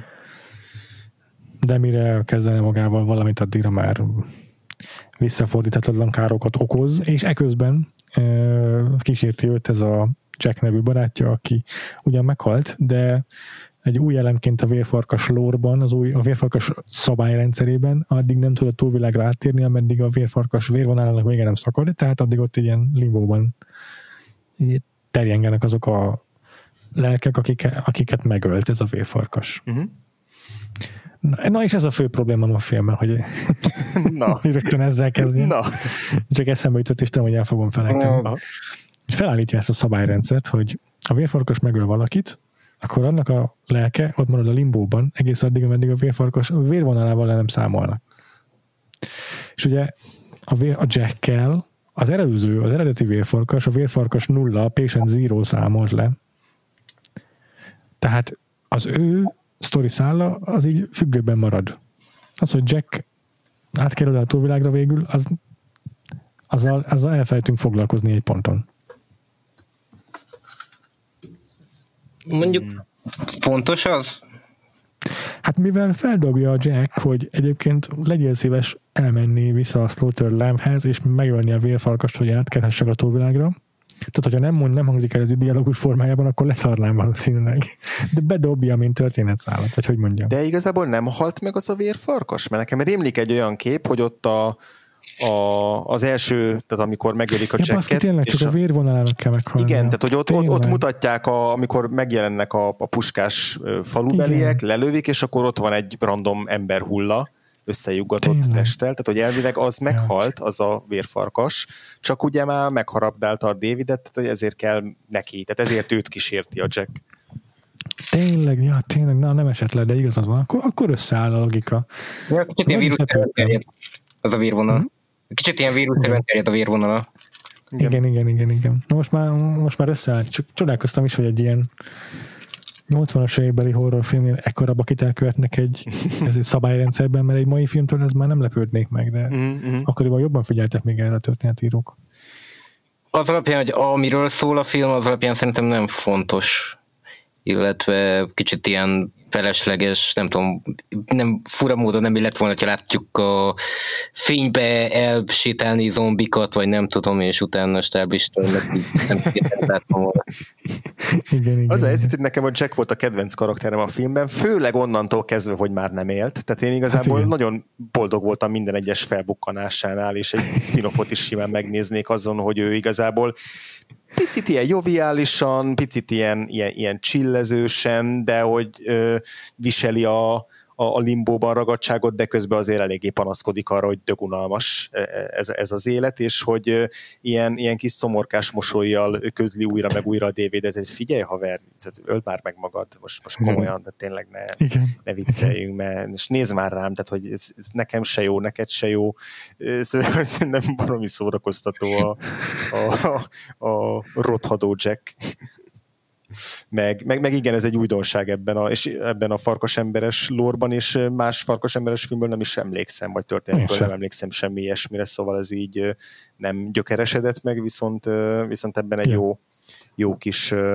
jó kis plusz adalék volt, és csodálkoztam is, hogy a, ugye a, a két főszereplőt a David Norton és a Griffin Dunn játsza. David Nortonnal soha nem találkoztam még eddig, ezelőtt a film előtt. De Griffin Dunn neve ismerős, de igazából őt sem tudom hova kötni. A Griffin Dunn nő egy ilyen elég jó veterán karakterszínész lett, csomó tévés szerepe van, de a leghíresebb filmje az az After Hours, a Scorsese-nek ez a nagyon szürreális és nagyon abszurd uh, vígjátéka, amit nem olyan régen láttam először, és, és baromi jó benne a, a Griffin Dunn, abban ugye ő az abszolút főszereplő, kicsit mm. hasonló mentalitással tolja végig. Nagyon horni és nagyon neurotikus csávó, akivel minden ilyen rémálomszerű dolog megtörténik, amit el tudsz képzelni. Akkor végül is nem különbözik a szerepe attól, amiben, amit itt játszik. Nem, nem, nem különösebben, csak sokkal több csajjal jön össze még életében, mint ebben, mint ebben a filmben. és és hogy, és hogy tehát amikor, amikor láttam, hogy benne van Griffin Dunn, akkor tökre megörültem, és amikor negyed óra után meghalt Griffin Dunn, akkor nagyon elszomorodtam, és csodálkoztam is, hogy akkor, akkor ezek szerint csak ennyi volt, úgyhogy Úgyhogy, úgyhogy én... És akkor, amikor mégiscsak felbukkatok, meg nagyon megörültél. Abszolút megörültem, és, és, és boldogan figyeltem a, a ilyen kis lif, lifegő vérlebernyegeket az arcán. Egyébként szerintetek, a, akiket megöl egy farkasember, amíg meg nem alap farkasember, addig össze tud jönni másokkal, akiket szintén megölt a farkasember, de még nem tudnak meghalni? Szerintem igen, de annyira undorodnak egymástól, amiatt, hogy mindegyikük szét van cincálva hullaként. Pedig De hogyha pont, onnantól, jó, hogyha... pont onnantól kezdve kéne elengedniük ezt a shaminget, hogy így belenézel a tükörbe, látod, hogy szét vagy cincálva, akkor onnantól kezdve ez már olyan, szóval olyan kicsit nagyképű dolog. Valamennyire érthető, meg emberi, vagy hát ilyen túlvilági emberi, de hogy akkor már kicsit, kicsit nagyképű dolog így felrólni, hogy te figyelj, neked így nincs meg body a... shamingelni valakinek nincs is body nincs, Igen, nincs meg, nincs meg a gyomrod, tehát hogy így oké, okay, de neked meg arcod nincs. Meg ilyen... akkor nem tudom, tehát, hogy emberek már azelőtt is szexeltek, hogy a higiéniát feltalálták volna, szóval és így, és így azon a ponton már így, tehát hogy alkalmazkodtak a környezetükhöz, és így miért elképzelhetetlen, hogy a félig szellem, félig zombi lények is dugnak. Igen. Hát lehetséges, hogyha elég ideig úgy hagyod őket, és a vérfarkas vérvonala nem pusztul ki, akkor idő után már egymásra fonyalodnak. Mm, szeretnék ebből egy spin-offot. Igen, és azért tehát nem véletlen, hogy egy izé pornómoziba gyűlnek össze dumálni, tehát hogy tehát azért annyira még John Landis se horni, hogy a, a, a, a holttesteknek a szexuális életével foglalkozzon. Hmm. Ki, ki, ki rendezni, ki, vagy ki, kitől nézzétek meg egy spin-off sorozatot, ami erről ezzel foglalkozna? Hmm. Wow, hogy a holttestek, vagy a szellemeknek a hát, Igazából a holttestek élete, de beleértve mindent, mármint, hogy ezek mit csinálnak amúgy, amikor éppen nem embereket próbálnak rávenni, hogy hajnak meg. Hmm. Simon Pegg és Nick Frost. én szerintem um, um, fú, nem jut eszembe a neve, uh, hirtelen akartam mondani, uh, Spring Breakers. Ja, Harmony Corinne. Harmony Corinne. Valami hasonló stílusban, mint a Mr. Lonely. Ezért nézném meg a Taika Waititi és Jermaine Clement párosát is. De akkor természetesen csak is a Reese Darby lenne a főszereplő, hogy kiemeljük az elmúlt évtized legemlékezetesebb farkas emberét. igen, igen. What we, are, we are werewolves, not werewolves.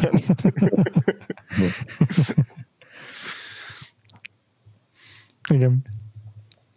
Uh, hol tartottunk a történettel kapcsolatban? Igen, tehát... A hullák nem élete, de szerintem... Hullák nem élete.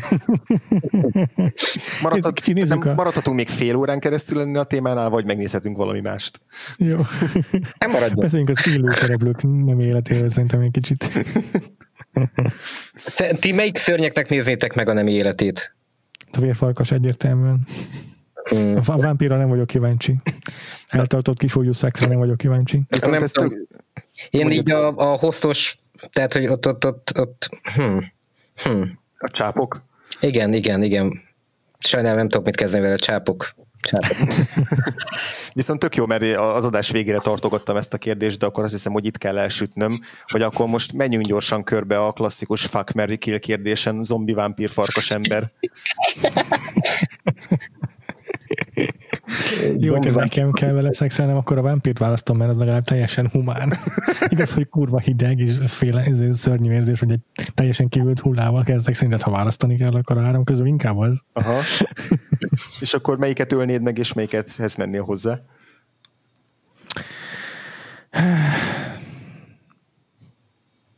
Hmm. Nem olyan egyszerű, ugye? Elsőre azt hinnéd, hogy tök evidens, de valójában... Hogyha praktikus okokból akarom nézni, akkor a zombihoz mennék hozzá. Mert az bezárom a pincébe egy láncra, és ott hagyhatom, nem lesz éhes, szóval, nem olyan büdös. Jó, jó, pont olyan, mint egy normál házasság. Viszont ha meg, viszont ha meg ha meg tényleg próbálok kicsit empatizálni, akkor a vérfalkas hagyom életben, és azzal házasodok meg, és a zombit előmben, mert a zombi már eleve halott, tehát sokat nem ártok neki. Viszont a vérfarkas, az a hónap 31 napjából azért, mit tudom, 28-ban tök jó fej. Abban a három napban meg megkapja a cage treatmentet. Tehát amelyik kalitkával szavaz. Szilárd? Hát a fak az a farkas ember. Tekintve, hogy még nem próbáltam ki a BDSM-et, és így Bestiality. Úgy, úgy érzem, a valaki olyannal kell kezdeni, aki már nagyon tapasztalt ebben. a kill az valószínűleg a zombi tekintve, hogy hát ő már meghalt már, mint hogy dude, read the room. Tehát, hogy gyerünk már. Tehát, hogy így, olyan, mint a, hogy hívják a a vendég, aki soha nem megy ki az ajtó, mert még mindig háromszor visszafordul, és még nem tudom, eszébe jut valami. nem lehet elköszönni tőle. Igen, ami, és egyértelműen a vámpíra, Mary két verzióban is működik, az egyik verzióban én nem leszek vámpír, csak ő vámpír. Ebben az esetben egészen biztosan tudni fogom, hogy egész életemben velem marad, tekintve, hogy amilyen hosszú életet él, számára csak egy futó kaland vagyok. Jó. Tehát, hogy így képzeld, tehát, hogy az ő életében valahogy olyan, mint hogyha nem tudom, egy hétig járnánk, de hogy ez nekem egy egész élet. Még hogy a szerelem halott, de hogy csak vámpírról kell. Erről a Jim Jarmusch csinált filmet. Igen, a másik része meg halhatatlan lehetek, ami nem rossz, és még simán elválhatunk, és így gyakorlatilag nem, tehát, hogy nincs, nem létezik uh, vámpírházassági szerződés, tehát hogyha elválunk, akkor nem, vez, nem tudja elvenni tőlem a halhatatlanságot. Szóval ez egy elég, elég jó dél. Mm-hmm. Ja, igen, igen. Neked is van, András? E, igen, de egyébként szerintem nagyjából hasonló, mint a Szilárdé. Azon gondolkoztam, hogy a farkas ember, hogyha, hogyha ő lenne a fak, akkor ott ugye e, működhet úgy, ahogy, amit a Péter mondott, hogy igen, a, a nap, az év vagy, vagy a hónap x napjában teljesen oké, okay, és akkor tudod, hogy mikor van telihol, tudsz időzíteni, és akkor addigra kivonod a forgalomból. De hogy ugye arról is volt szó, hogy a farkas embernél pont az a, pont az a, az a csábító, hogy akkor bestialitás, meg izé el, el, elszabadultság, és ott, ott meg ugye igazából, tehát hogy az, hogy így vagy ott, ott hogy valakivel az ágyba, aki, aki így teljesen nincs ott, tehát hogy ő az nem ő, ott valami, valami teljesen más, és nem fog emlékezni rá utána, hát el... a, a leg, a leg ö, ö, Na, legkinkibb, a legkinkibb dolog az, hogyha a, a holtölte napján naplementekor kezdtek el szeretkezni. Igen, és itt a, itt a... Ez egy metafora is lehetne a... Hm, ki akarom én ezt mondani? Szóval, hogy a, mindegy. Szóval, hogy a, a, a szektre menstruáció idején. Ez az adás már nem kerülhet ki. Igen. Szóval, hogy itt felmerülnek kérdések itt a, itt, a, itt a farkas emberrel kapcsolatban, mert hogy a, a filmben is az van, hogy ugye igazából a, amikor miután fölébred a, az állatkertbe a, az első gyilkolászás meg mészárlással töltött éjszaka utána izé, a, a David, utána lesz ilyen szuper izé, horni és szuper ö, hmm. ö, szexisten, a, meg, meg, meg, meg magabiztos, tehát hogy akkor most igazából az az éjszaka jó, vagy a, vagy a rákövetkező, az, az lesz az ajándék azért, hogy el, előző éjszaka ott rázza a rácsot, szóval sok a kérdés, de még, de még így is legalább minden hónapban van valami kis izgalom. A vámpírokkal az van, hogy ők általában ilyen elképesztően gyönyörűek, de ilyen full távolságtartóak, tehát hogy így soha nem tudnál közel kerülni hozzájuk, így, így még szeretőként sem mert hogy egyszerűen... A vámpirokkal az a bajom szeretőként, hogy értem, hogy halhatatlan, de valójában úgy halhatatlan, hogy csítelt, mert már egyszer meghalt. úgy már könnyű halhatatlanak lenni. Tehát ki van hűlve a teste, nem kerik a fér, fér benne. Ez engem taszít rettenetesen. Igen, meg, meg, meg a vámpirok azok általában nem tud nézni, sznopsek. Nem tud nézni magatokat a tükörben, hogyha ez a kinked például. Ez is Amúgy igen, nem lesznek közös izé szelfik, tehát hogy egy csomó ilyen hát, hát ja. van belőle. Eleve vámpírok azok ilyen snob, snob, snob fejek, tehát hogy ez mindig érdekelt a vámpírokkal kapcsolatban, hogy nem akkor nem tudom lefotózni, hogyha... Igen.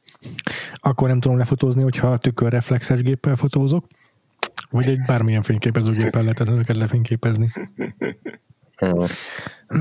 Na ezt mind ki lehetne próbálni például egy jó házasság során, tehát valószínűleg ezért maradnék annál, hogy a, hogy a vámpírhoz hozzá kell menni, vagy, vagy, vagy, vagy el kell venni, mert... Mi a is úgy reagálnak?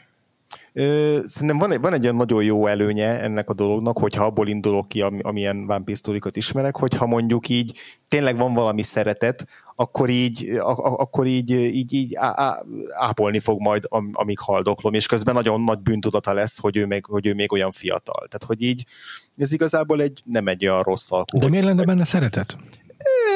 Ez biztos, hogy egy, ilyen, de, ez biztos, hogy egy ilyen kérdés lenne végig a házasság alatt, hogy így most tényleg szerete, vagy csak úgy tesz, de ez szerintem nem csak a vámpírral való házasságban fordulhat elő, úgyhogy ezt így, ezt így elfogadom. Szegény zombira maradt tényleg a kill, ami, amit én egyébként nem érzek igazán fernek vele szemben, mert hogy így pont azért, mert hogy egyszer már meghalt, tehát hogy így most, most, most tényleg még egyszer, tehát ez így szegény amúgy is foszlik, tehát hogy így én kicsit, kicsit sajnálom, hogy, hogy, hogy rá ez a, ez a sorsvár, de, de közben így a, nem tudom, a házasság az egy zombival az ilyen elég uncsi, elég uncsi hangzik. Az biztos. Nem is főz, nem is jó vele a szex. Ja, igen, beszélgetni se lehet. Tehát így, többiek, többiek, többiekkel legalább lehet beszélgetni. Nem létezik szexi zombi szem. Hm.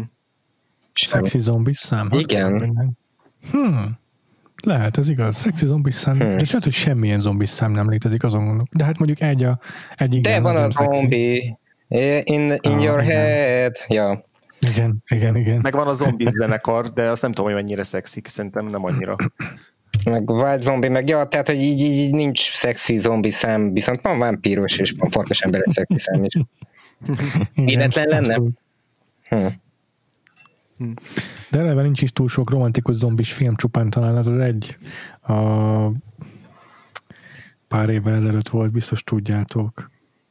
Mi van, hogyha a zombik a szörnyek inceljei? ez, ez a gondolat, ez hosszabb kifejtést igényel. Ezt szerintem nem, uh, szerintem ez, ez megmagyarázza önmagát.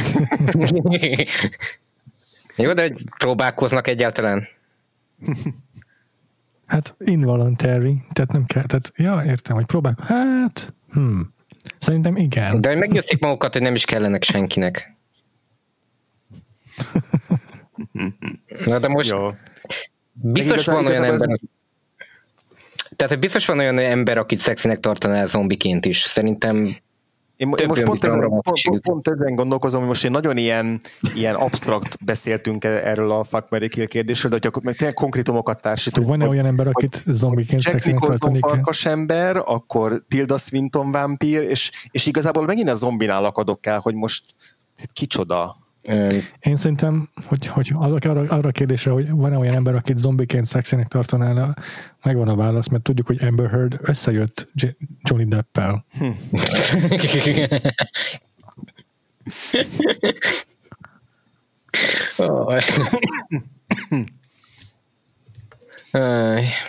hát igen. Térjünk vissza a filmünkre még egy kicsit. Volt ennél horni epizódotok valaha? Az a durva, hogy még a Hellraiser sem volt ennyire horni. pedig, és, és még a, a szigorúan ellenőrzött vonatok se, pedig az aztán horni. Valahogy mindig téged tálom meg ilyen dolgok. És a karantén nem tett jót nekem ilyen szempontból. Azt hiszem nekünk sem. Azt se tett jót, hogy egy olyan választás napján vagyunk, amin, aminek az eredményét Schrödinger titkolja. És már leírtam hát, magam. Következő epizódban, amiben leszek, az a valószínűleg a valami pornó lesz. A... az a pornó, amit megnéztek az amerikai félfarkas pályázi Londonban. Igen, igen, igen, igen, igen a Vakfolt, Special Patreon epizód. Vagy a, Vakfolt, vagy a Vakfolt pornó évadja. Végül is abból is elég sokat nem láttunk. Tehát, hogy... Deep Throat, az összes többi.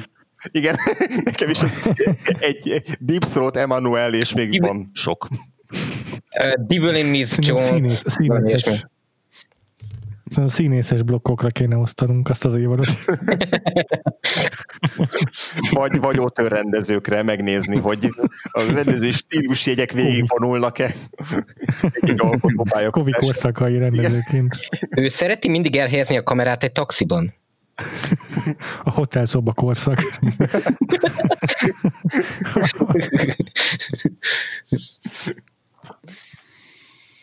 Na jó, azért egy picit még beszéltünk a Szerintetek miről szól a film? Nagyon jó kérdés. Szerintem, szerintem nem sok mindent akar meg, igazából nem sok minden a mondani valója. Úgy gondolom, hogy nem, sok, nem azon a célral készült, hogy legyen egy ilyen tézise. Úgy érzem. Nekem szó-szó. Nekem van egy elméletem, hogy miről szól, amit részben valószínűleg legalább részben, mármint, hogy tudatosnak kellett lennie. Aha, Ez és pedig, ö, hát ő egy amerikai farkasember Londonban. és, a, és gyakorlatilag senki nem barátságos vele, mindenhol idegenként érzi magát, tehát hogy teljesen az egyetlen kapcsolat a, a film kezdete, nem az egyetlen kapcsolat a barátja, aki meghal, uh-huh. és aki a, a halott barátja utána, meg az ápolónője, aki az egyetlen, aki meg talán az orvos, de hogy így a, a, a, aki, tehát ő az, aki normálisan kezeli és kedvesen és empatikusan úgy általában, uh-huh. míg uh, úgy alapvetően egy olyan társadalomban van, ahol uh, senki nem látja őt szívesen, senki nem kedves vele,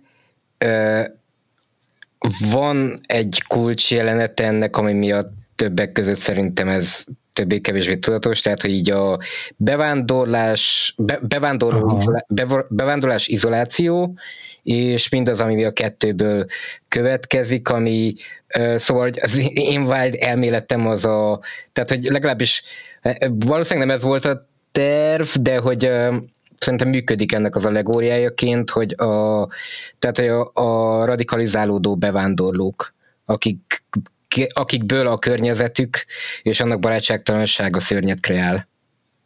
Hmm, nice. Wow. Nice. Ez már, ez, már, ez már nagyon komoly extrapoláció, de nagyon szép. és a, a, a, ami, amiben legalább részben egy része, tehát hogy önmagában az izoláció, és tehát hogy nem konkrétan erre fut ki, csak hogy mondjam, ö, arról, amiről szól annak a jelenlegi valóságban, ez a direkt megfelelője.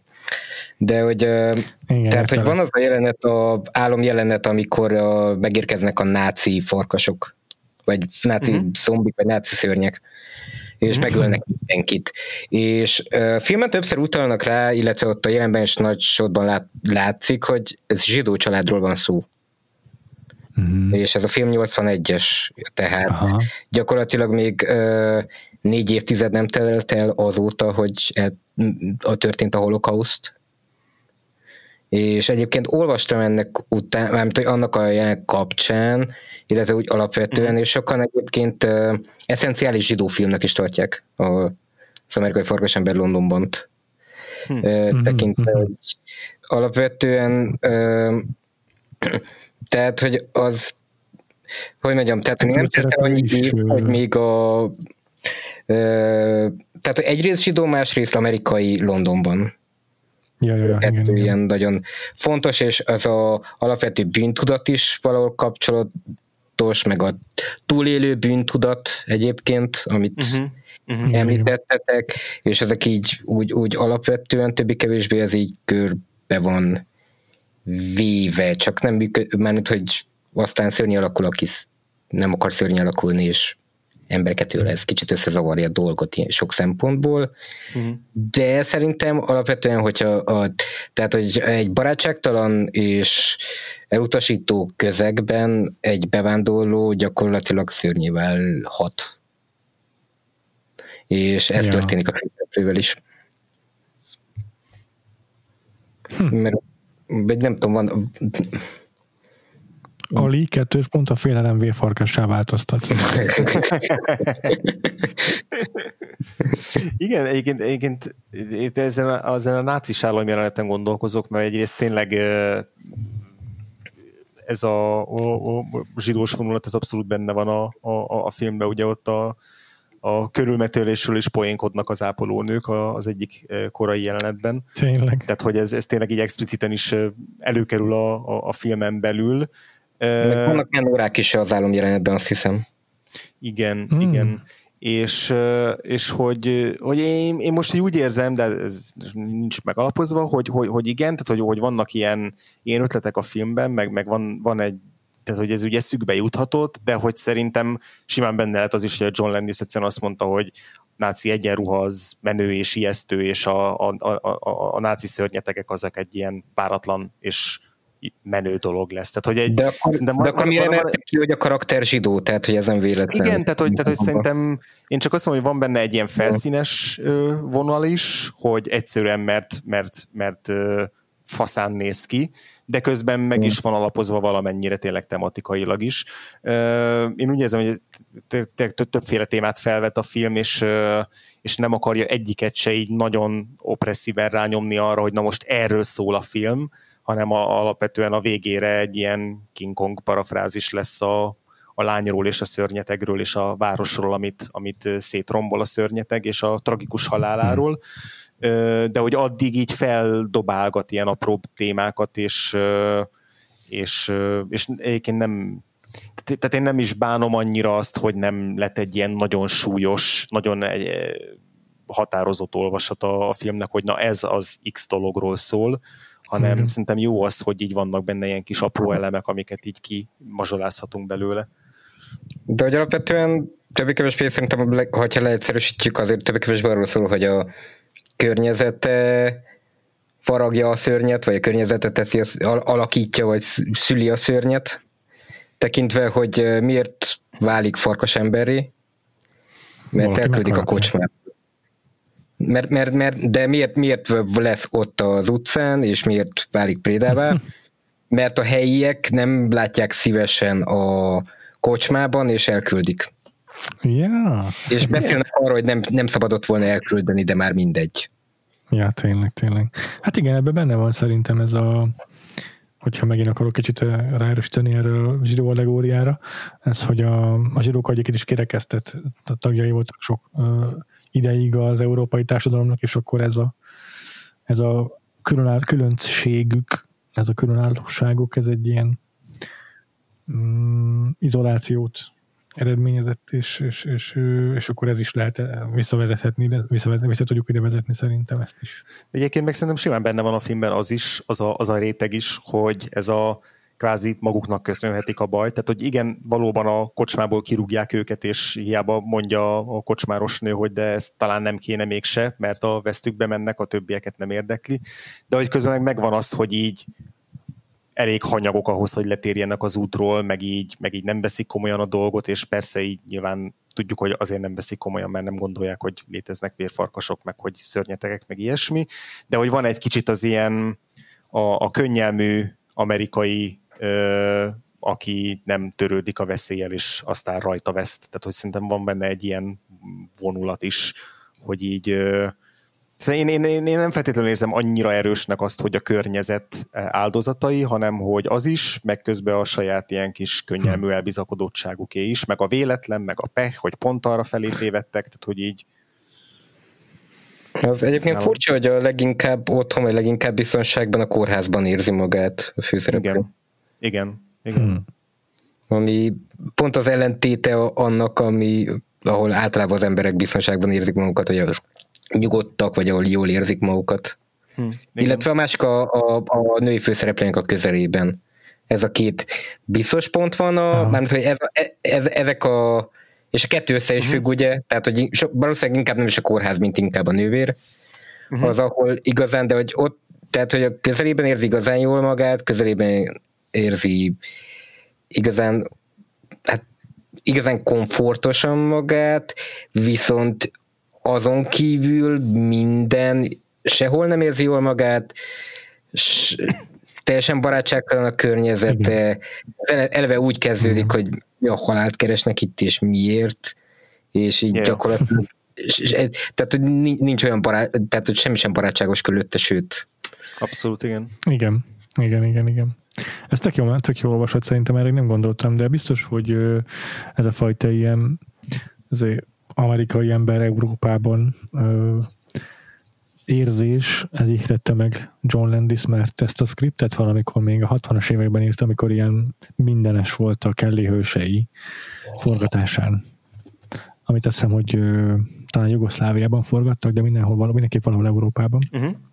És akkor valószínűleg az a, az élmény volt eleve, ami, ami megihlette arra, hogy írja meg ezt az amerikai farkasember Párizsban, Londonban. Ja, igen, ott, ott azt hiszem, hogy látott egyszer valami, valami olyan ilyen temetési szertartást, ami ilyen, ilyen furcsa, szokatlan rituálé, azt hiszem, hogy talán egy, izé, egy, egy roma mm, társaság na, hmm. temetett valakit ilyen nagyon fura ö, szokatlan körülmények között, és akkor ö, és akkor ott valahogy így, így bekattant nála. Igazából a, a, abból a gondolatból, hogy így a, a tehát, hogy, hogy, hogy ezt nem, amennyire olvastam, előbb volt meg nála az a gondolat, hogy visszatér valaki a halálból, és akkor vele kell így konfrontálódni, és, és utána jött az, hogy akkor ez legyen egy farkas emberes történet. Tehát le, lehet, hogy ezért is ezért is ennyire eleven, vagy ennyire, ennyire hatásos a, a Jacknek a, a szála, mert hogy az, az volt a magja ennek a történetnek, mm. és mhm. nem, mert ugye alapvetően a farkas emberes lord az nem indokolná azt, hogy ezt bele, belevigyék. Persze, az tök igaz. Igen, igen, igen. És beszélünk egy picit azért John Landisről még? Hmm. Hát egy, egyértelmű a lelkesedés, úgy hallom. Ez a akar bárki John Landisről beszélni. Szerintem muszáj, tehát meg muszáj beszélnünk egy picit róla. Ö, nagyon jó ember. Igen, igen. Tehát a, a, a 80-as éveknek egy legalább olyan jelentős rendezője, mint hmm, mint mondjuk Robert Zemeckis. Ilyeneket alkotott, mint a Blues Brothers, vagy a volt ez a Eddie Murphy és Dan Aykroydos, magyarul nem fog eszembe jutni a cím, amikor az egyikük egy kéregeti a másikok meg szuper gazdag, és akkor helyet cserélnek, ez a Trading Places. Mm. mm. Meg a, ő rendezte a, az Amerikába jöttemet, meg ugye beszéltünk a Michael Jackson klipekről, a Thrillerről, meg, meg ő csinálta a Black or White-ot. Igazából látszik, hogy a Rick Bakerrel is ezek alkalmával többször együtt dolgozott meg Eddie murphy is egy ilyen komplett talán filmtrilógiát, vagy négy filmet is csináltak, nem tudom, mert hogy a Trading Places mellett még a meg a, meg a Amerikába jöttem mellett ő csinálta a Beverly Hills Zsaru 3-at is. Mm. És ez mind, mind, mind azt hiszem, hogy csak a 80-as évek. Ö, és akkor ami miatt mm, nagyon érdekes az ő pályafutása. Az Ö, a... Hát, hogyha Fe, fele, vagy hogyha tized olyan jó ember lenne, mint amennyire jó rendező, akkor most szívesebben beszélnénk róla. Hm. Így van, Igen. van, így van. És ez egy csomó, csomó, sajnos csomó esetben ö, ezt látjuk, és már a horror, horror évadban is találkoztunk ilyennel, hogy, hogy megkerülhetetlenül jó rendező, mert megkerülhetetlenül fontos filmet csinál legalábbis, és, ö, és egyébként meg emberileg nem tudom megbirkózni a személyiségével, meg egyáltalán az, hogy hogyan kéne róla beszélni. De itt arról van szó, hogy több, több dologról van szó igazából, de a, a legsúlyosabb az a, az a alkonyzóna, vagy uh-huh. ja, homályzóna néhány fordításban, de mindenképpen a Twilight Zone filmverziójának a forgatásán történt incidens, amely Benőt is megvádolták azzal, hogy tehet arról, hogy egy helikopterbaleset következtében a film férfi főszereplője, meg két gyerek ilyen, hogy hívják, nem főszereplők igazából, de mm, extrák lefejeződtek, meghaltak a helikopter balesetben. És többen beszámoltak arról, hogy figyelmeztették a John Landis arra, hogy eleve éjszakai forgatáson eleve nem is szabadna a gyerekeknek dolgozni, mert az amerikai gyerek munkajogi törvények nem teszik ezt lehetővé. Eleve olyan körülmények között forgatnak, hogy, ez veszélyes. Ha jól tudom, senki másnak sem, mert bőven túlórán voltak, és x órában, ami miatt nem szabad volna forgatniuk. És minden, mindenféle biztonsági, meg munkajogi előírást áthágva forgattak, és hát valószínűleg ezen kívül is feltáratlan mennyiségű mm, gondatlanság történt. És ez még csak egy része, ez a legdurvább benne. Ja. Mármint, hogy ö, egyrészt gondatlanságból megölt három embert, viszont mm. a, ahogy az egészet kezelte és reagált rá, az még talán már-már majdnem annyira rossz.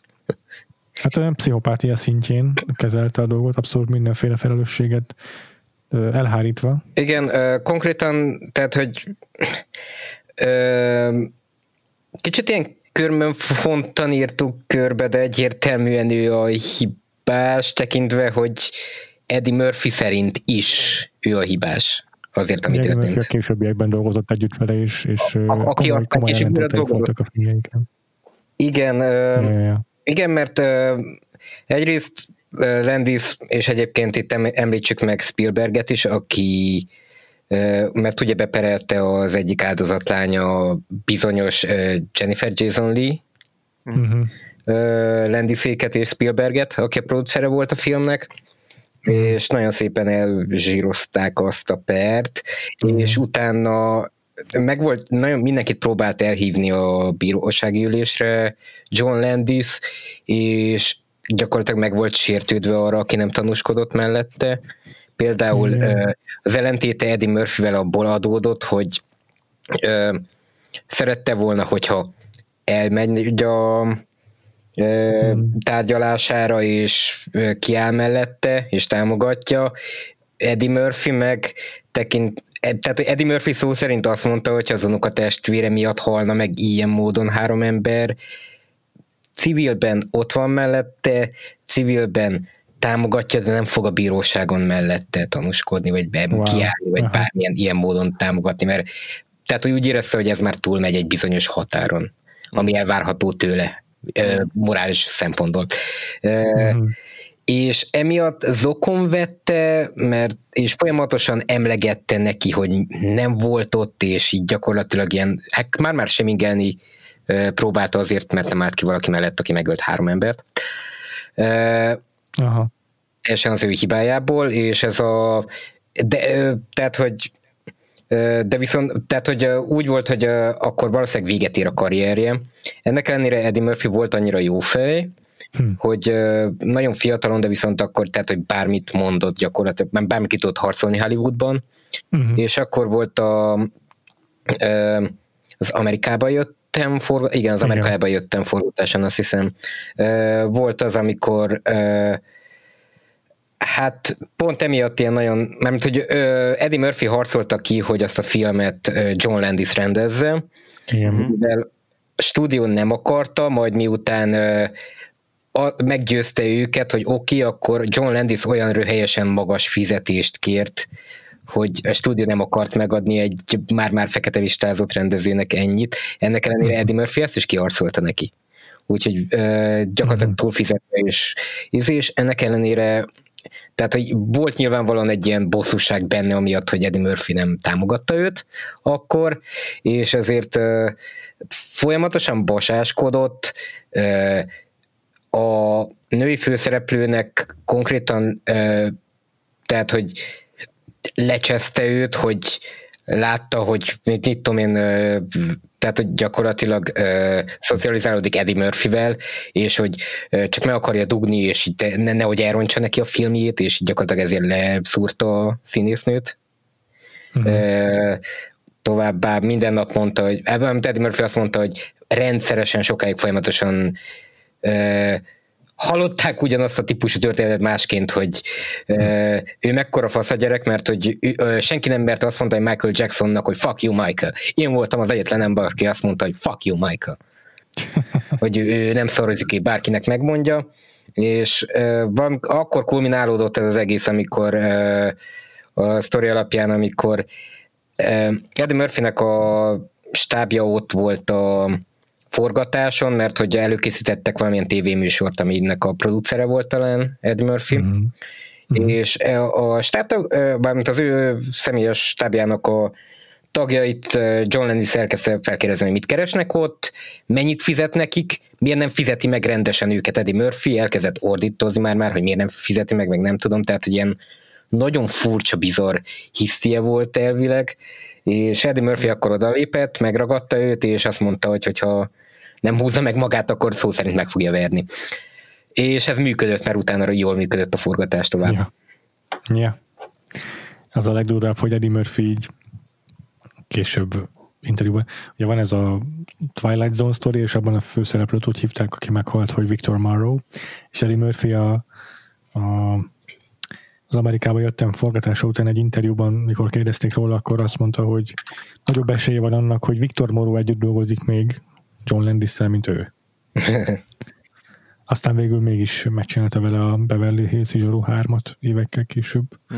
Hm. Egyébként még további adalék az egészhez, hogy amikor felmentették a bíróságon John Landis-t ennek az ügynek kapcsán, akkor uh, bulival ünnepelte meg mert hogy rendezett egy hatalmas bulit annak örömére, hogy Jó. nem ítélték el három ember megölésért, Igen. illetve a Igen. tárgyalásának van egy ilyen vicces, van egy ilyen vicces Orson Welles interjú részlet, amiben a, már nem emlékszem ki interjúztatja, de ő ismeri személyes, mert jobban van Landisszel, uh-huh. és így szóba került ő, és így mondja, hogy én ismerem őt, átadjak valamilyen üzeneten neki, vagy nem tudom, és így azt, hiszem, azt mondta, hogy ölje meg magát, vagy valami ilyesmi. És Na, hogy...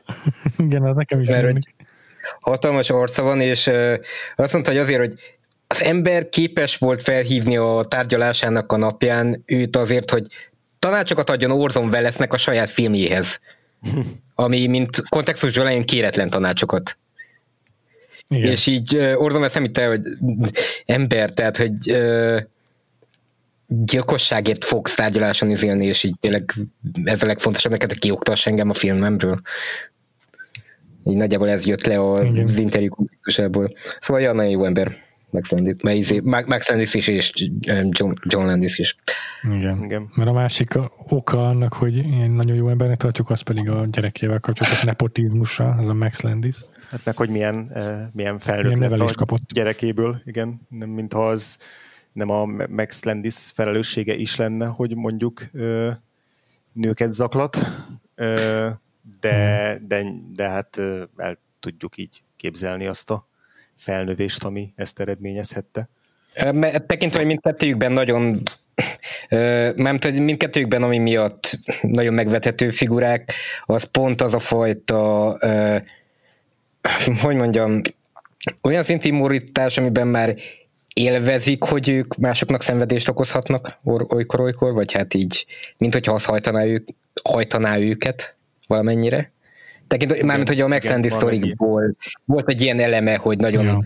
szerette azt a részét, amikor ö, hát gyakorlatilag megmutatta a lányoknak, hogy mindenkit, akivel valaha lefeküdt, azt pontozta, nem tudom hányszor, nem tudom, és hogy így az egésznek, ahogy, tehát állítólag nagyon ö, látszott az arcán, nagyon örül annak, hogy ettől emberek kiakadnak, és hogyan reagálnak.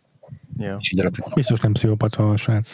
Igen, és így alapvetően John Landis is így, így hát hogy nem pontosan így, de nagyon hasonlóan látszólag nem, hogy nem éri fel a saját tetteinek a súlyát, hanem tudatosan nem, nem hogy nem érdekli, de már-már tudatosan okay. tudatosan másokkal.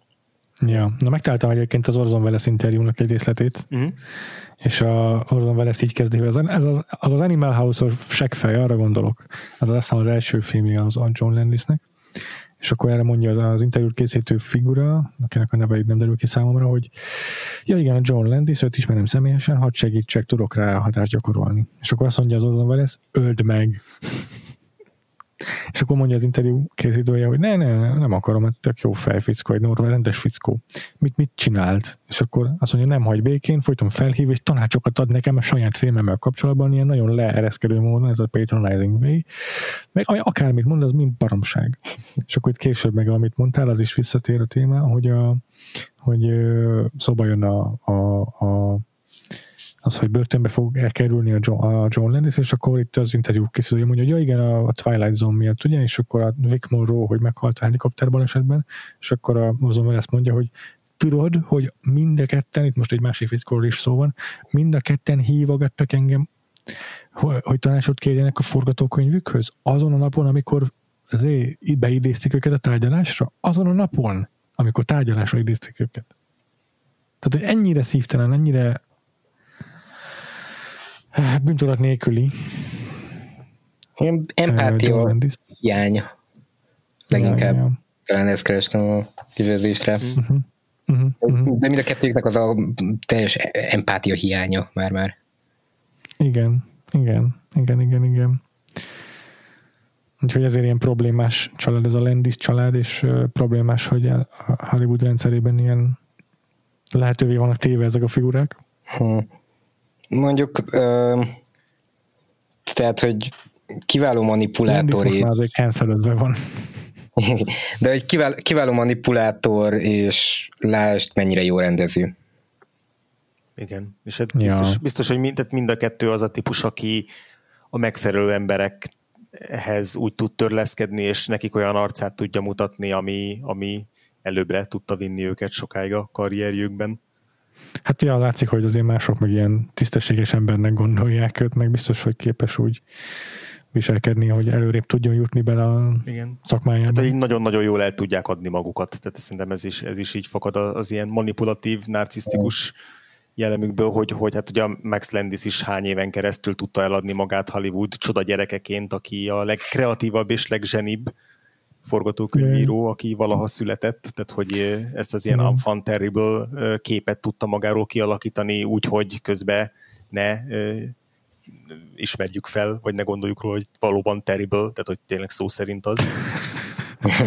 Igen. Még egyébként konkrétan egy American Werewolf in London remake is Igen. készített egy script verziót, de hát már azóta őt cancelezték. Igen. See you in Bright 2. Micsoda? See you in Bright 2.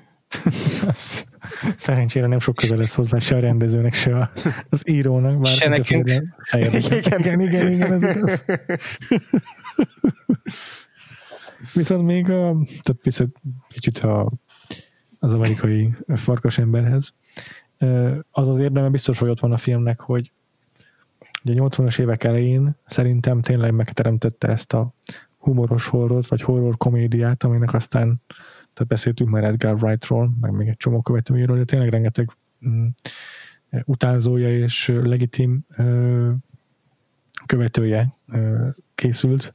Tehát nem sokára fogunk beszélni a Gonosz Halottról, ami szintén a horror komédia műfajával kacérkodik, a, legalábbis a franchise nagy része. De a Fright Night is egy ilyen óriási kedvenc horror komédia film, az is kultikus, legalább akkor a kult siker volt, mint a vagy kult sikernek számít, szerintem meg kultfilmnek számít, mint az amerikai farkas ember. És hát mondom, ez szerintem egy ilyen önálló műfaj volt a 80-as években. Plusz szerintem szintén ilyen, ilyen korszak lenyomat, meg így jól meghatározza a 80-as évek horrorjait az is, hogy, hogy mennyi, mennyire szexuális ez a film. Uh-huh az eddigiekhez képest a Rosemary gyermekében a szex egy ilyen uramisten. az ott egy ilyen ö, egy esemény, aminek fajsúlya van. Itt meg, itt meg, itt meg a szex jelenet az egy ilyen mert gyakorlatilag itt innentől kezdve válik kötelezővé tíz éven keresztül Hollywoodban a szex jelenet. Vagy húsz éven keresztül. Meg a, fő, meg a főszereplő Eating Out People. Az micsoda? Hogy a főszereplő eating out people. Tehát, hogy ha értitek, hogy értem. Értem. Köszi. De, de tényleg, tehát a, a, ez a fajta ilyen horniság, ez így nagyon-nagyon hosszú időre jellemző volt a hollywoodi filmekre, és csak most, mostanra beszélt ki, hogy megint nem hornik a filmek szerintem. Igen, hogy ebben mm. beszéltünk róla, hogy az, izé a, a, a Ne nézz visszába, a Don't Look Now-ba, ott, ott mennyire ilyen ilyen megbotránkoztató, meg, meg, meg hatalmas visszhangot kapó volt az, hogy volt benne egy explicit szex jelenet, pedig az, az, pedig az aztán így a, igazából a, lehet egyik legpozitívabb izé, a szexábrázolás így filmekben, tehát hogy, hogy ott, ott még csak nem is párosul semmiféle ilyen a horrorral, az, annak egy horrorfilmben tűnik fel ez ez a jelenet, tehát hogy, hogy nem vagyunk olyan sokkal még azután, hogy egy ilyen explicit szex jelenet az egy ilyen radikális dolognak hmm. számítson, és aztán itt az amerikai farkas emberben meg egyrészt ugyan meg kellett így vágni azt a jelenet sort, mert még sokkal ennél explicitebbre tervezte a Landis, Aha. De, hogy, de hogy igen, tehát hogy a 80-as évek az az egyik ugye ilyen legerotikusabb évtizede a, az amerikai filmnek, hogy akkor születik meg az erotikus thriller is, hogy akkor lesz ilyen nagyon mainstream, meg nagyon népszerű, uh-huh. és, és ma meg, sőt, hát nem is csak ma, hanem most már szerintem lassan, majd nem két évtizede meg olyan prűd a, lett megint az amerikai film, főleg közönségfilm, de igazából a teljes paletta, ami, ami még nem tudom, szerintem 50-es években se volt. Tehát, hogy ak- akkor is még a, a Hays Code alatt is sokkal ezerszer ö, szexibb és hornibb volt az amerikai film, mint ma. Ennek egyébként nem, szerintetek közben e, e, e, szerintetek egyébként nem azért történik, mármint, hogy én nagyjából tehát, hogy nekem az a logikus, hogy ez valószínűleg azért történik így, mert tehát, hogy azelőtt nem lehetett semmit mutatni filmben, ami szexuális, aztán úgy, úgymond megnyitották a csapot, és volt ennek az ilyen újdonság izgalma, hogy ú, most rakhatunk melleket, és nem a sufniban kell bemutatnunk a filmet öt embernek emiatt, vagy nem tudom, és mostanra meg már az internet, meg nem tudom, kicsit így annyira mindent láttunk, hogy ez már nem ennyire ö, ne, nem, nem adja annak az izgalmát, hogy ú, vajon mit mutathatunk meg, ú, meddig mehetünk el, ú, ilyet még nem nagyon csináltunk, meg nem tudom, ú, most lehet, eddig tiltva volt, most meg így annyira kb. mindent lehet, hogy így már nem van valamennyire a hát nem feltétlen ö, ennyire ja. ö, tehát nem feltétlen ez a vagy hogy mondjam ö, valószínűleg nem a ennyire tudatos ez az egész, de hogy lehet, hogy van benne egy kicsit olyan, hogy ma már tényleg bármit lehet mutatni filmben gyakorlatilag. Igen, mert Igen. az internetes pornó az, az biztos, hogy ilyen nagy szerepet játszik abban, hogy így tényleg egy, egy kattintással elérhetővé válik a, a, a mesztelenség, meg a szex, és hogy és hogy mintha erre lenne egy ilyen ellen, ellenválasz az, hogy akkor a filmeket viszont ö, ö, így izé, ö, úgymond tisztítsuk meg minden ilyen ö, e, e, erotikától, meg, ö, meg am, amúgy meg biztos, hogy tehát ilyen, ilyen általános nagy politikai, meg társadalmi mm, folyamatokkal lehet így párhuzamba vonni, tehát tényleg az, hogy így a, a 90-es években így pont így a, az AIDS után ö, ö, utáni időszakra tehető egy ilyen backlash, hogy akkor ö, hogy akkor ö, fogjuk vissza ezt, a, ezt, ezt az oldalát az amerikai filmnek. Ez most ebbe egyáltalán nem vagyok biztos, hogy ez, ez a korreláció ez ilyen leegyszerűsített, mint ahogy én mondom, tehát hogy ebbe, ebbe azért annyira nem vagyok ö, ö, ismerős, de, de hogy ö, ja, igen, talán nem is, nem is a, a, merészelek ennél többet mondani, mert ez is, ez, ezt is már, már most ilyen túl leegyszerűsítettnek érzem, de hogy, de hogy biztos, hogy van egy ilyen, van egy ilyen, vagy tehát föl lehetne, aki ért hozzá, az föl tudna rajzolni egy ilyen folyamatot mondjuk a, a 60-as éveknek az ilyen, ilyen free love mozgalmától kezdve a, a, a régen érának a konzervativizmusán át, akkor az AIDS járvány, akkor hm.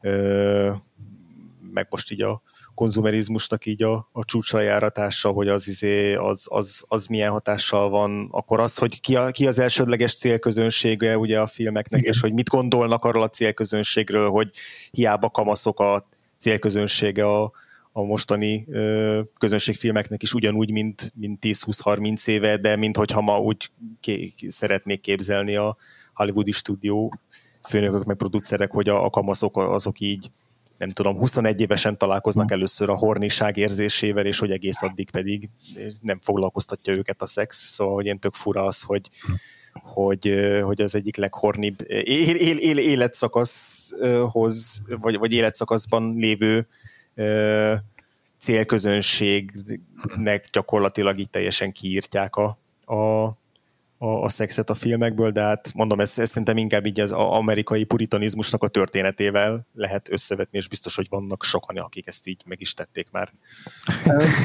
Jó, hát a kanosság nem veszett el, csak átalakult. Így van. mármint, hogy, mármint, hogy már nem a film a fő médiuma, hanem az internet.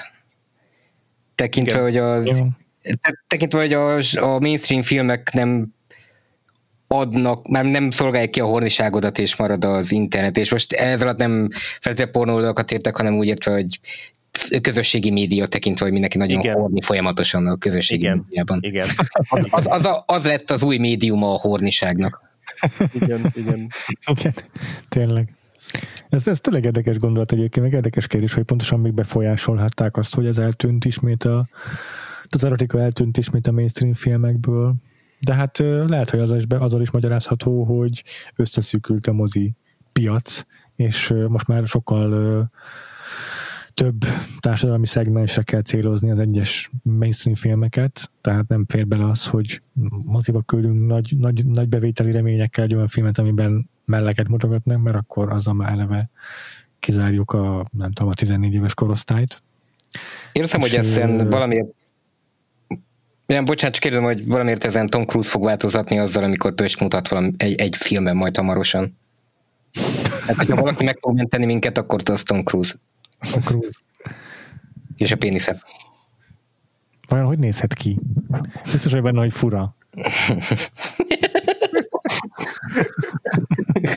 Mint a hasra, a hasizmai, a én, én, én, biztos vagyok benne, hogy, hogy, hogy rengeteg lenyűgöző és halál megvető kaszkodő mutatványra képes magától. Én arra olyan izmopozgatják, ami lehetetlen. Arra, arra jöttem rá, hogy én nem szeretném látni, és nem, tehát, hogy nem, nem feltétlenül azért, mert egy pénisz, hanem úgy értem, hogy, hogy az utolsó pénisz, amit valaha szeretnék látni, az a Tom Cruise valószínűleg. Leginkább azért, mert tehát, hogy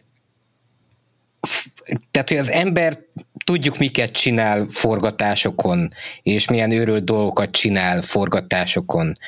És nagyon szereti a, a, a, az adrenalint, és nem akarom elképzelni, hogy mit művelt a péniszével ebből kiindulva, és hogyan nézhet ki emiatt. Tehát, hogyha valaki átszúrt valamit rajta csak azért, hogy for fun, akkor az Tom Cruise valószínűleg. Hmm. Szóval...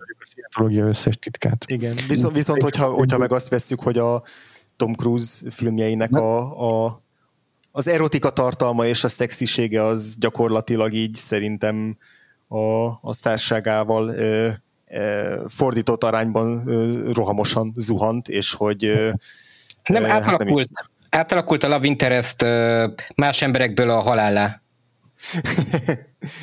Igen, de hogy nem, nem tudom, hogy mi, mi, mi, melyik az utolsó Tom Cruise film, amire azt mondanánk, hogy abba ő így olyan értelemben szexi, hogy, hogy így, hogy így ö, ö, nem mint matiné idol, meg mint ak- akcióhős, hanem igen, jó, nem is folytatom a kérdést, mert a, a válasz egyértelmű. Az a tánc, leghornibb alakítása ever.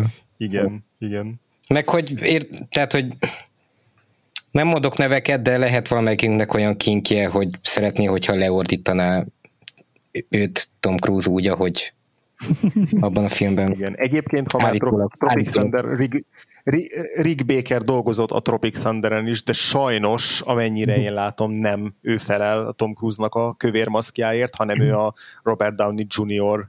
make dolgozott. Szép. Hm. csak hogy visszavezessem. Azért eszembe ez a kérdés egyébként, mert én, én, én tényleg bennem ilyen rémálmokat okozott, amikor, amikor kirakták a képeket a múmia forgatásáról, a filmesztelen Tom Cruise-ról és a six-pack amorf gyurma figura volt igazából. Szóval nem akarom tudni, mi van az alatt. Szém, szém. Tehát, hogy no king shaming, de van egy olyan érzésem, hogy Tom Cruise egy ember, aki már túl kinki. Valószínű, igen. Igen. Jó, hát akkor megállapodhatunk abban, hogy, hogy bring back horniness to Hollywood, but stay away from Tom Cruise. Ja, mert fura, fura, ez az a fura hova jutottunk, pedig úgy indultunk, hogy Tom Cruise fogja megmenteni a horniságot. Igen, uh, igen, de... Újabb csalódás. Apropó igen. csalódás, uh, John Landis. Ja, szóval uh, a, a, nagyon, nagyon, nagyon, uh, nagyon frusztráló az John Landisben, vagy legalábbis nekem nagyon hát törés volt olyan szempontból, hogy nagyon-nagyon jó rendező, itt egy fickó, aki nagyjából olyan típusú filmeket csinál, amiket én legjobban szeretek. Vagy mm. hát yeah. pont az én ö, ízlésemhez tökéletesen passzoló filmeket csinál. ö, és aztán csalódást okoz, hogy megtudom róla, hogy a világ egyik legnagyobb rohadéka. Szóval ez annyira szomorú. Igen, igen, ez mindig az. Igen. Igen, igen, igen. Be, picit még beszéljünk a film humoráról, basszus, arról nem is beszéltünk, hogy vicces.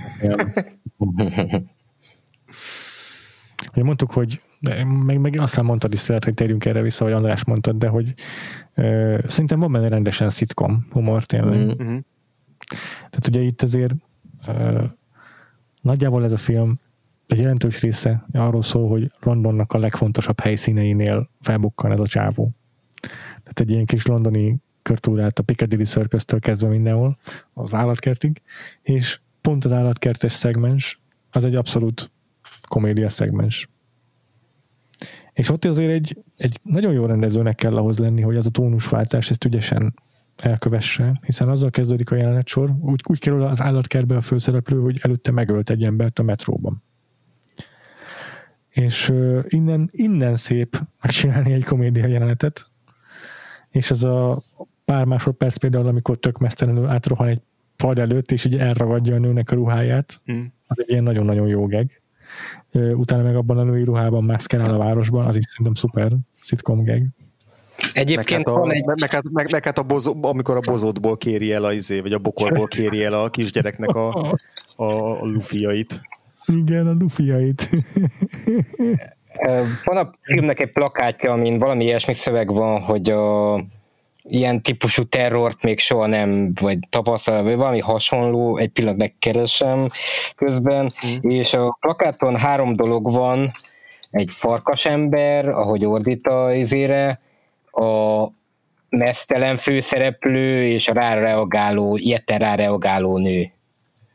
És kicsit ez is olyan szempontból, olyan szempontból humoros, hogy melyik a félelmetesebb. Igen.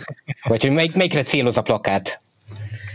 Közben az is megkérdezem tőletek, hogy és a horror része mennyire működött számotokra a filmnek?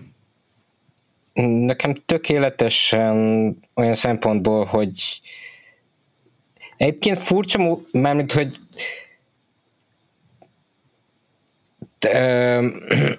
olyan szépen és jól ellenpontozza pont humorral a horrort, hogy amikor a horror történik, az valahogy ijesztőbb lesz tőle, például, tehát a film két kulcs jelenete talán ilyen szempontból is, a, nyilván az átalakulás, meg a, a nácis rémálom. Mm. Tekintve, ja, hogy, is.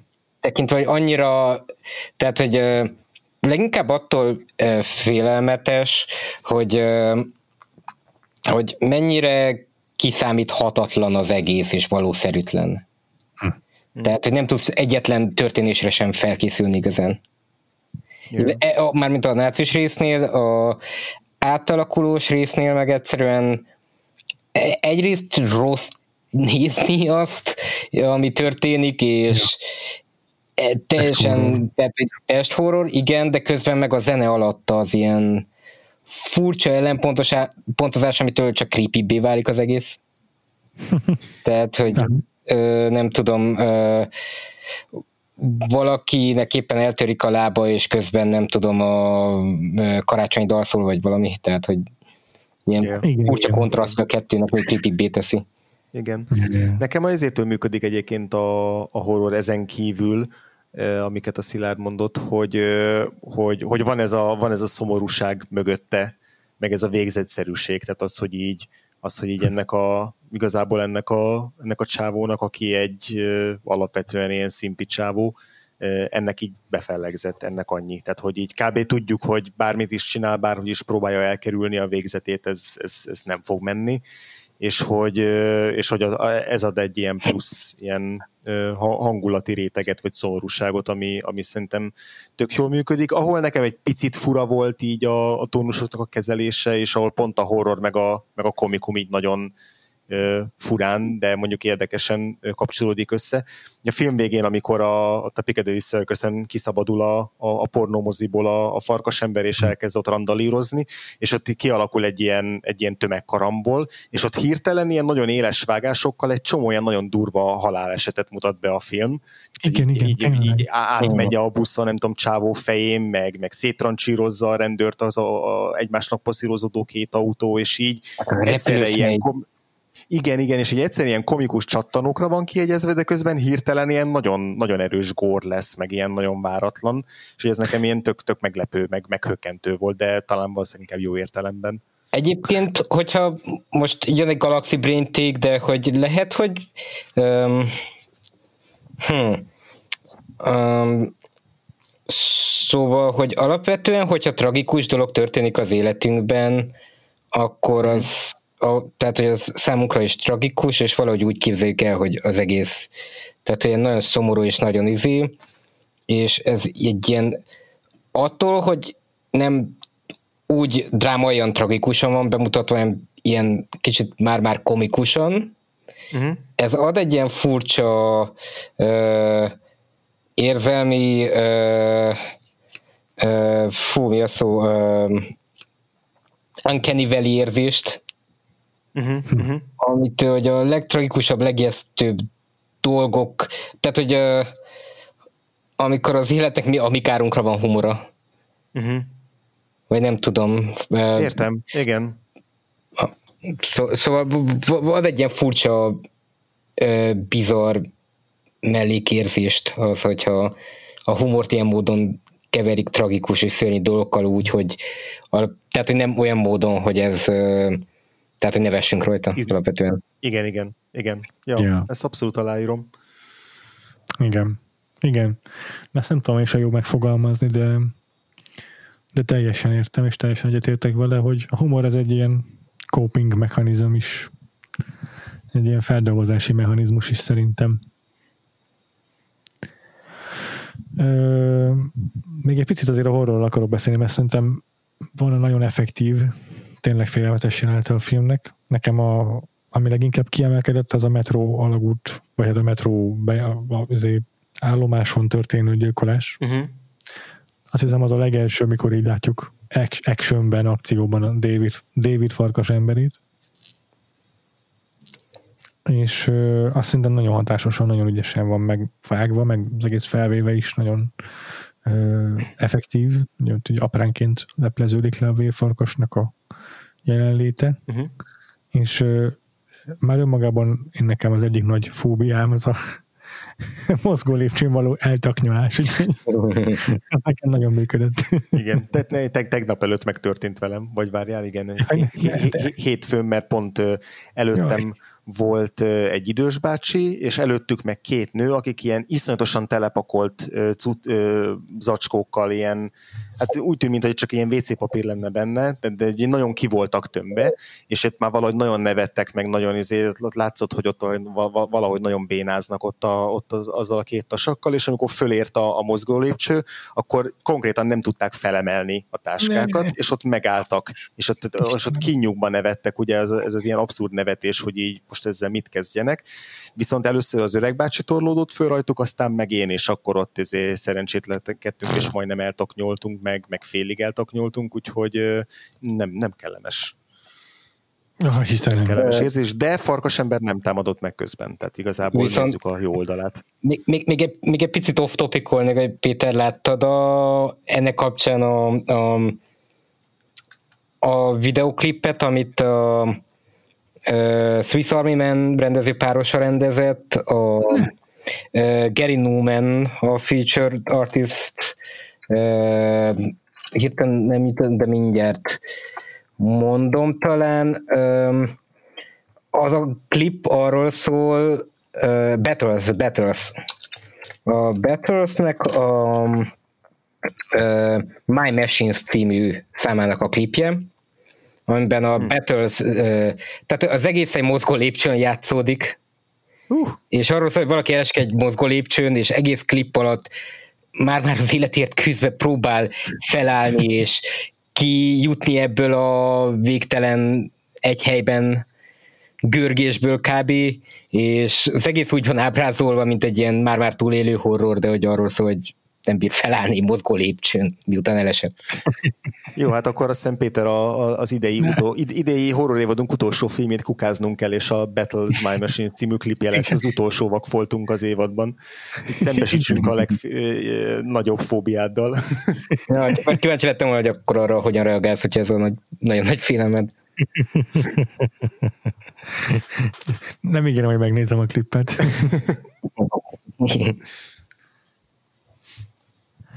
Jó, nagyon-nagyon ö, alaposan kiveséztük szerintem a filmet. És még sok minden mást is, amire nem számítottam két órával ezelőtt, de örülök, hogy megtörtént, mert hiszem mindenkinek túl kellett esni a Tom Cruise péniszén. Legalább egyszer az életben is örülök, hogy együtt tettük meg. És most az a rész, amikor mind, mindannyian hogot mutatunk. Jaj.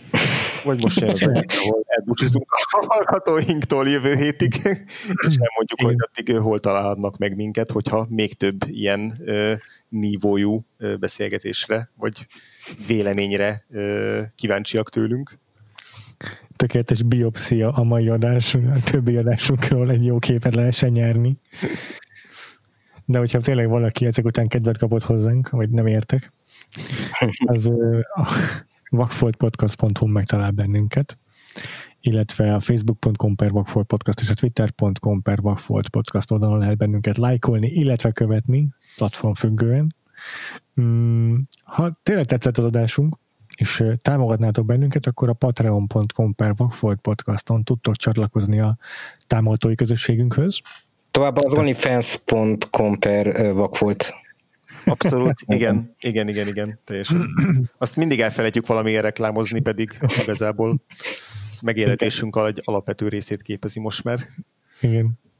Tehát még egyszer patreon.com per podcast, ahol lehet csatlakozni a támogatói közösségünk, és hetente legalább egy órában jelentkezünk valami exkluzív tartalommal. Például most legutóbb az Aaron Sorkin legújabb filméről beszéltünk, aztán lesz még szó Charlie Kaufman új filméről is, és még igyekszünk mindenféle színes tartalommal feltölteni az év hátralevő részét.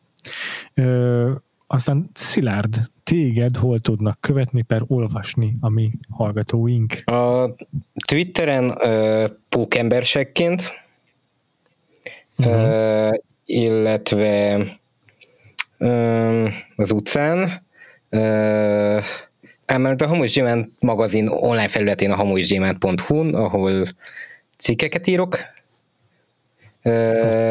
Illetve, hát nem tudom, um, OnlyFans.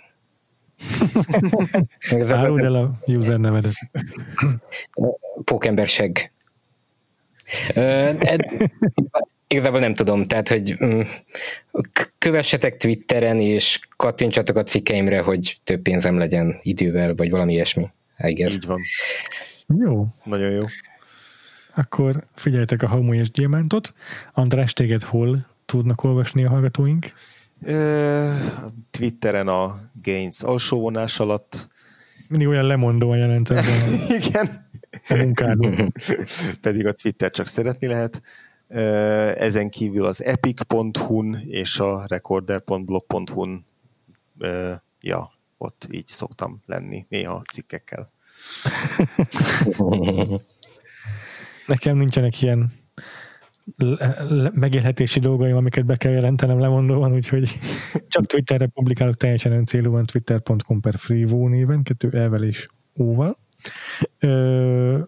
Ezen kívül pedig a Letterboxdon szoktunk még Andrással írogatni, Vakfolt címkére érdemes rákeresni a keresősávban, és akkor kiad nektek mindenféle hasznosat, és ti is használtok ezt a címkét, hogyha megnéztek olyan filmet, amit a podcast kedvéért pótoltok, vagy ne adj Isten, egy nagyon régi vakfoltot pótoltok. és akkor jövő héten találkozunk ismét, remélhetőleg Szilárd is velünk fog tartani, uh-huh. és maradunk kicsit ezen a horror komédia vonalon, és ennek a, az alzsányernek talán a, a legfontosabb franchise-ával fogunk közelebbről megismerkedni, ez pedig a Gonosz Halott franchise, vagyis az Evil Dead Sam Raimi rendezésében. Tartsatok velünk jövő héten is, és addig pedig sziasztok! Sziasztok! Sziasztok!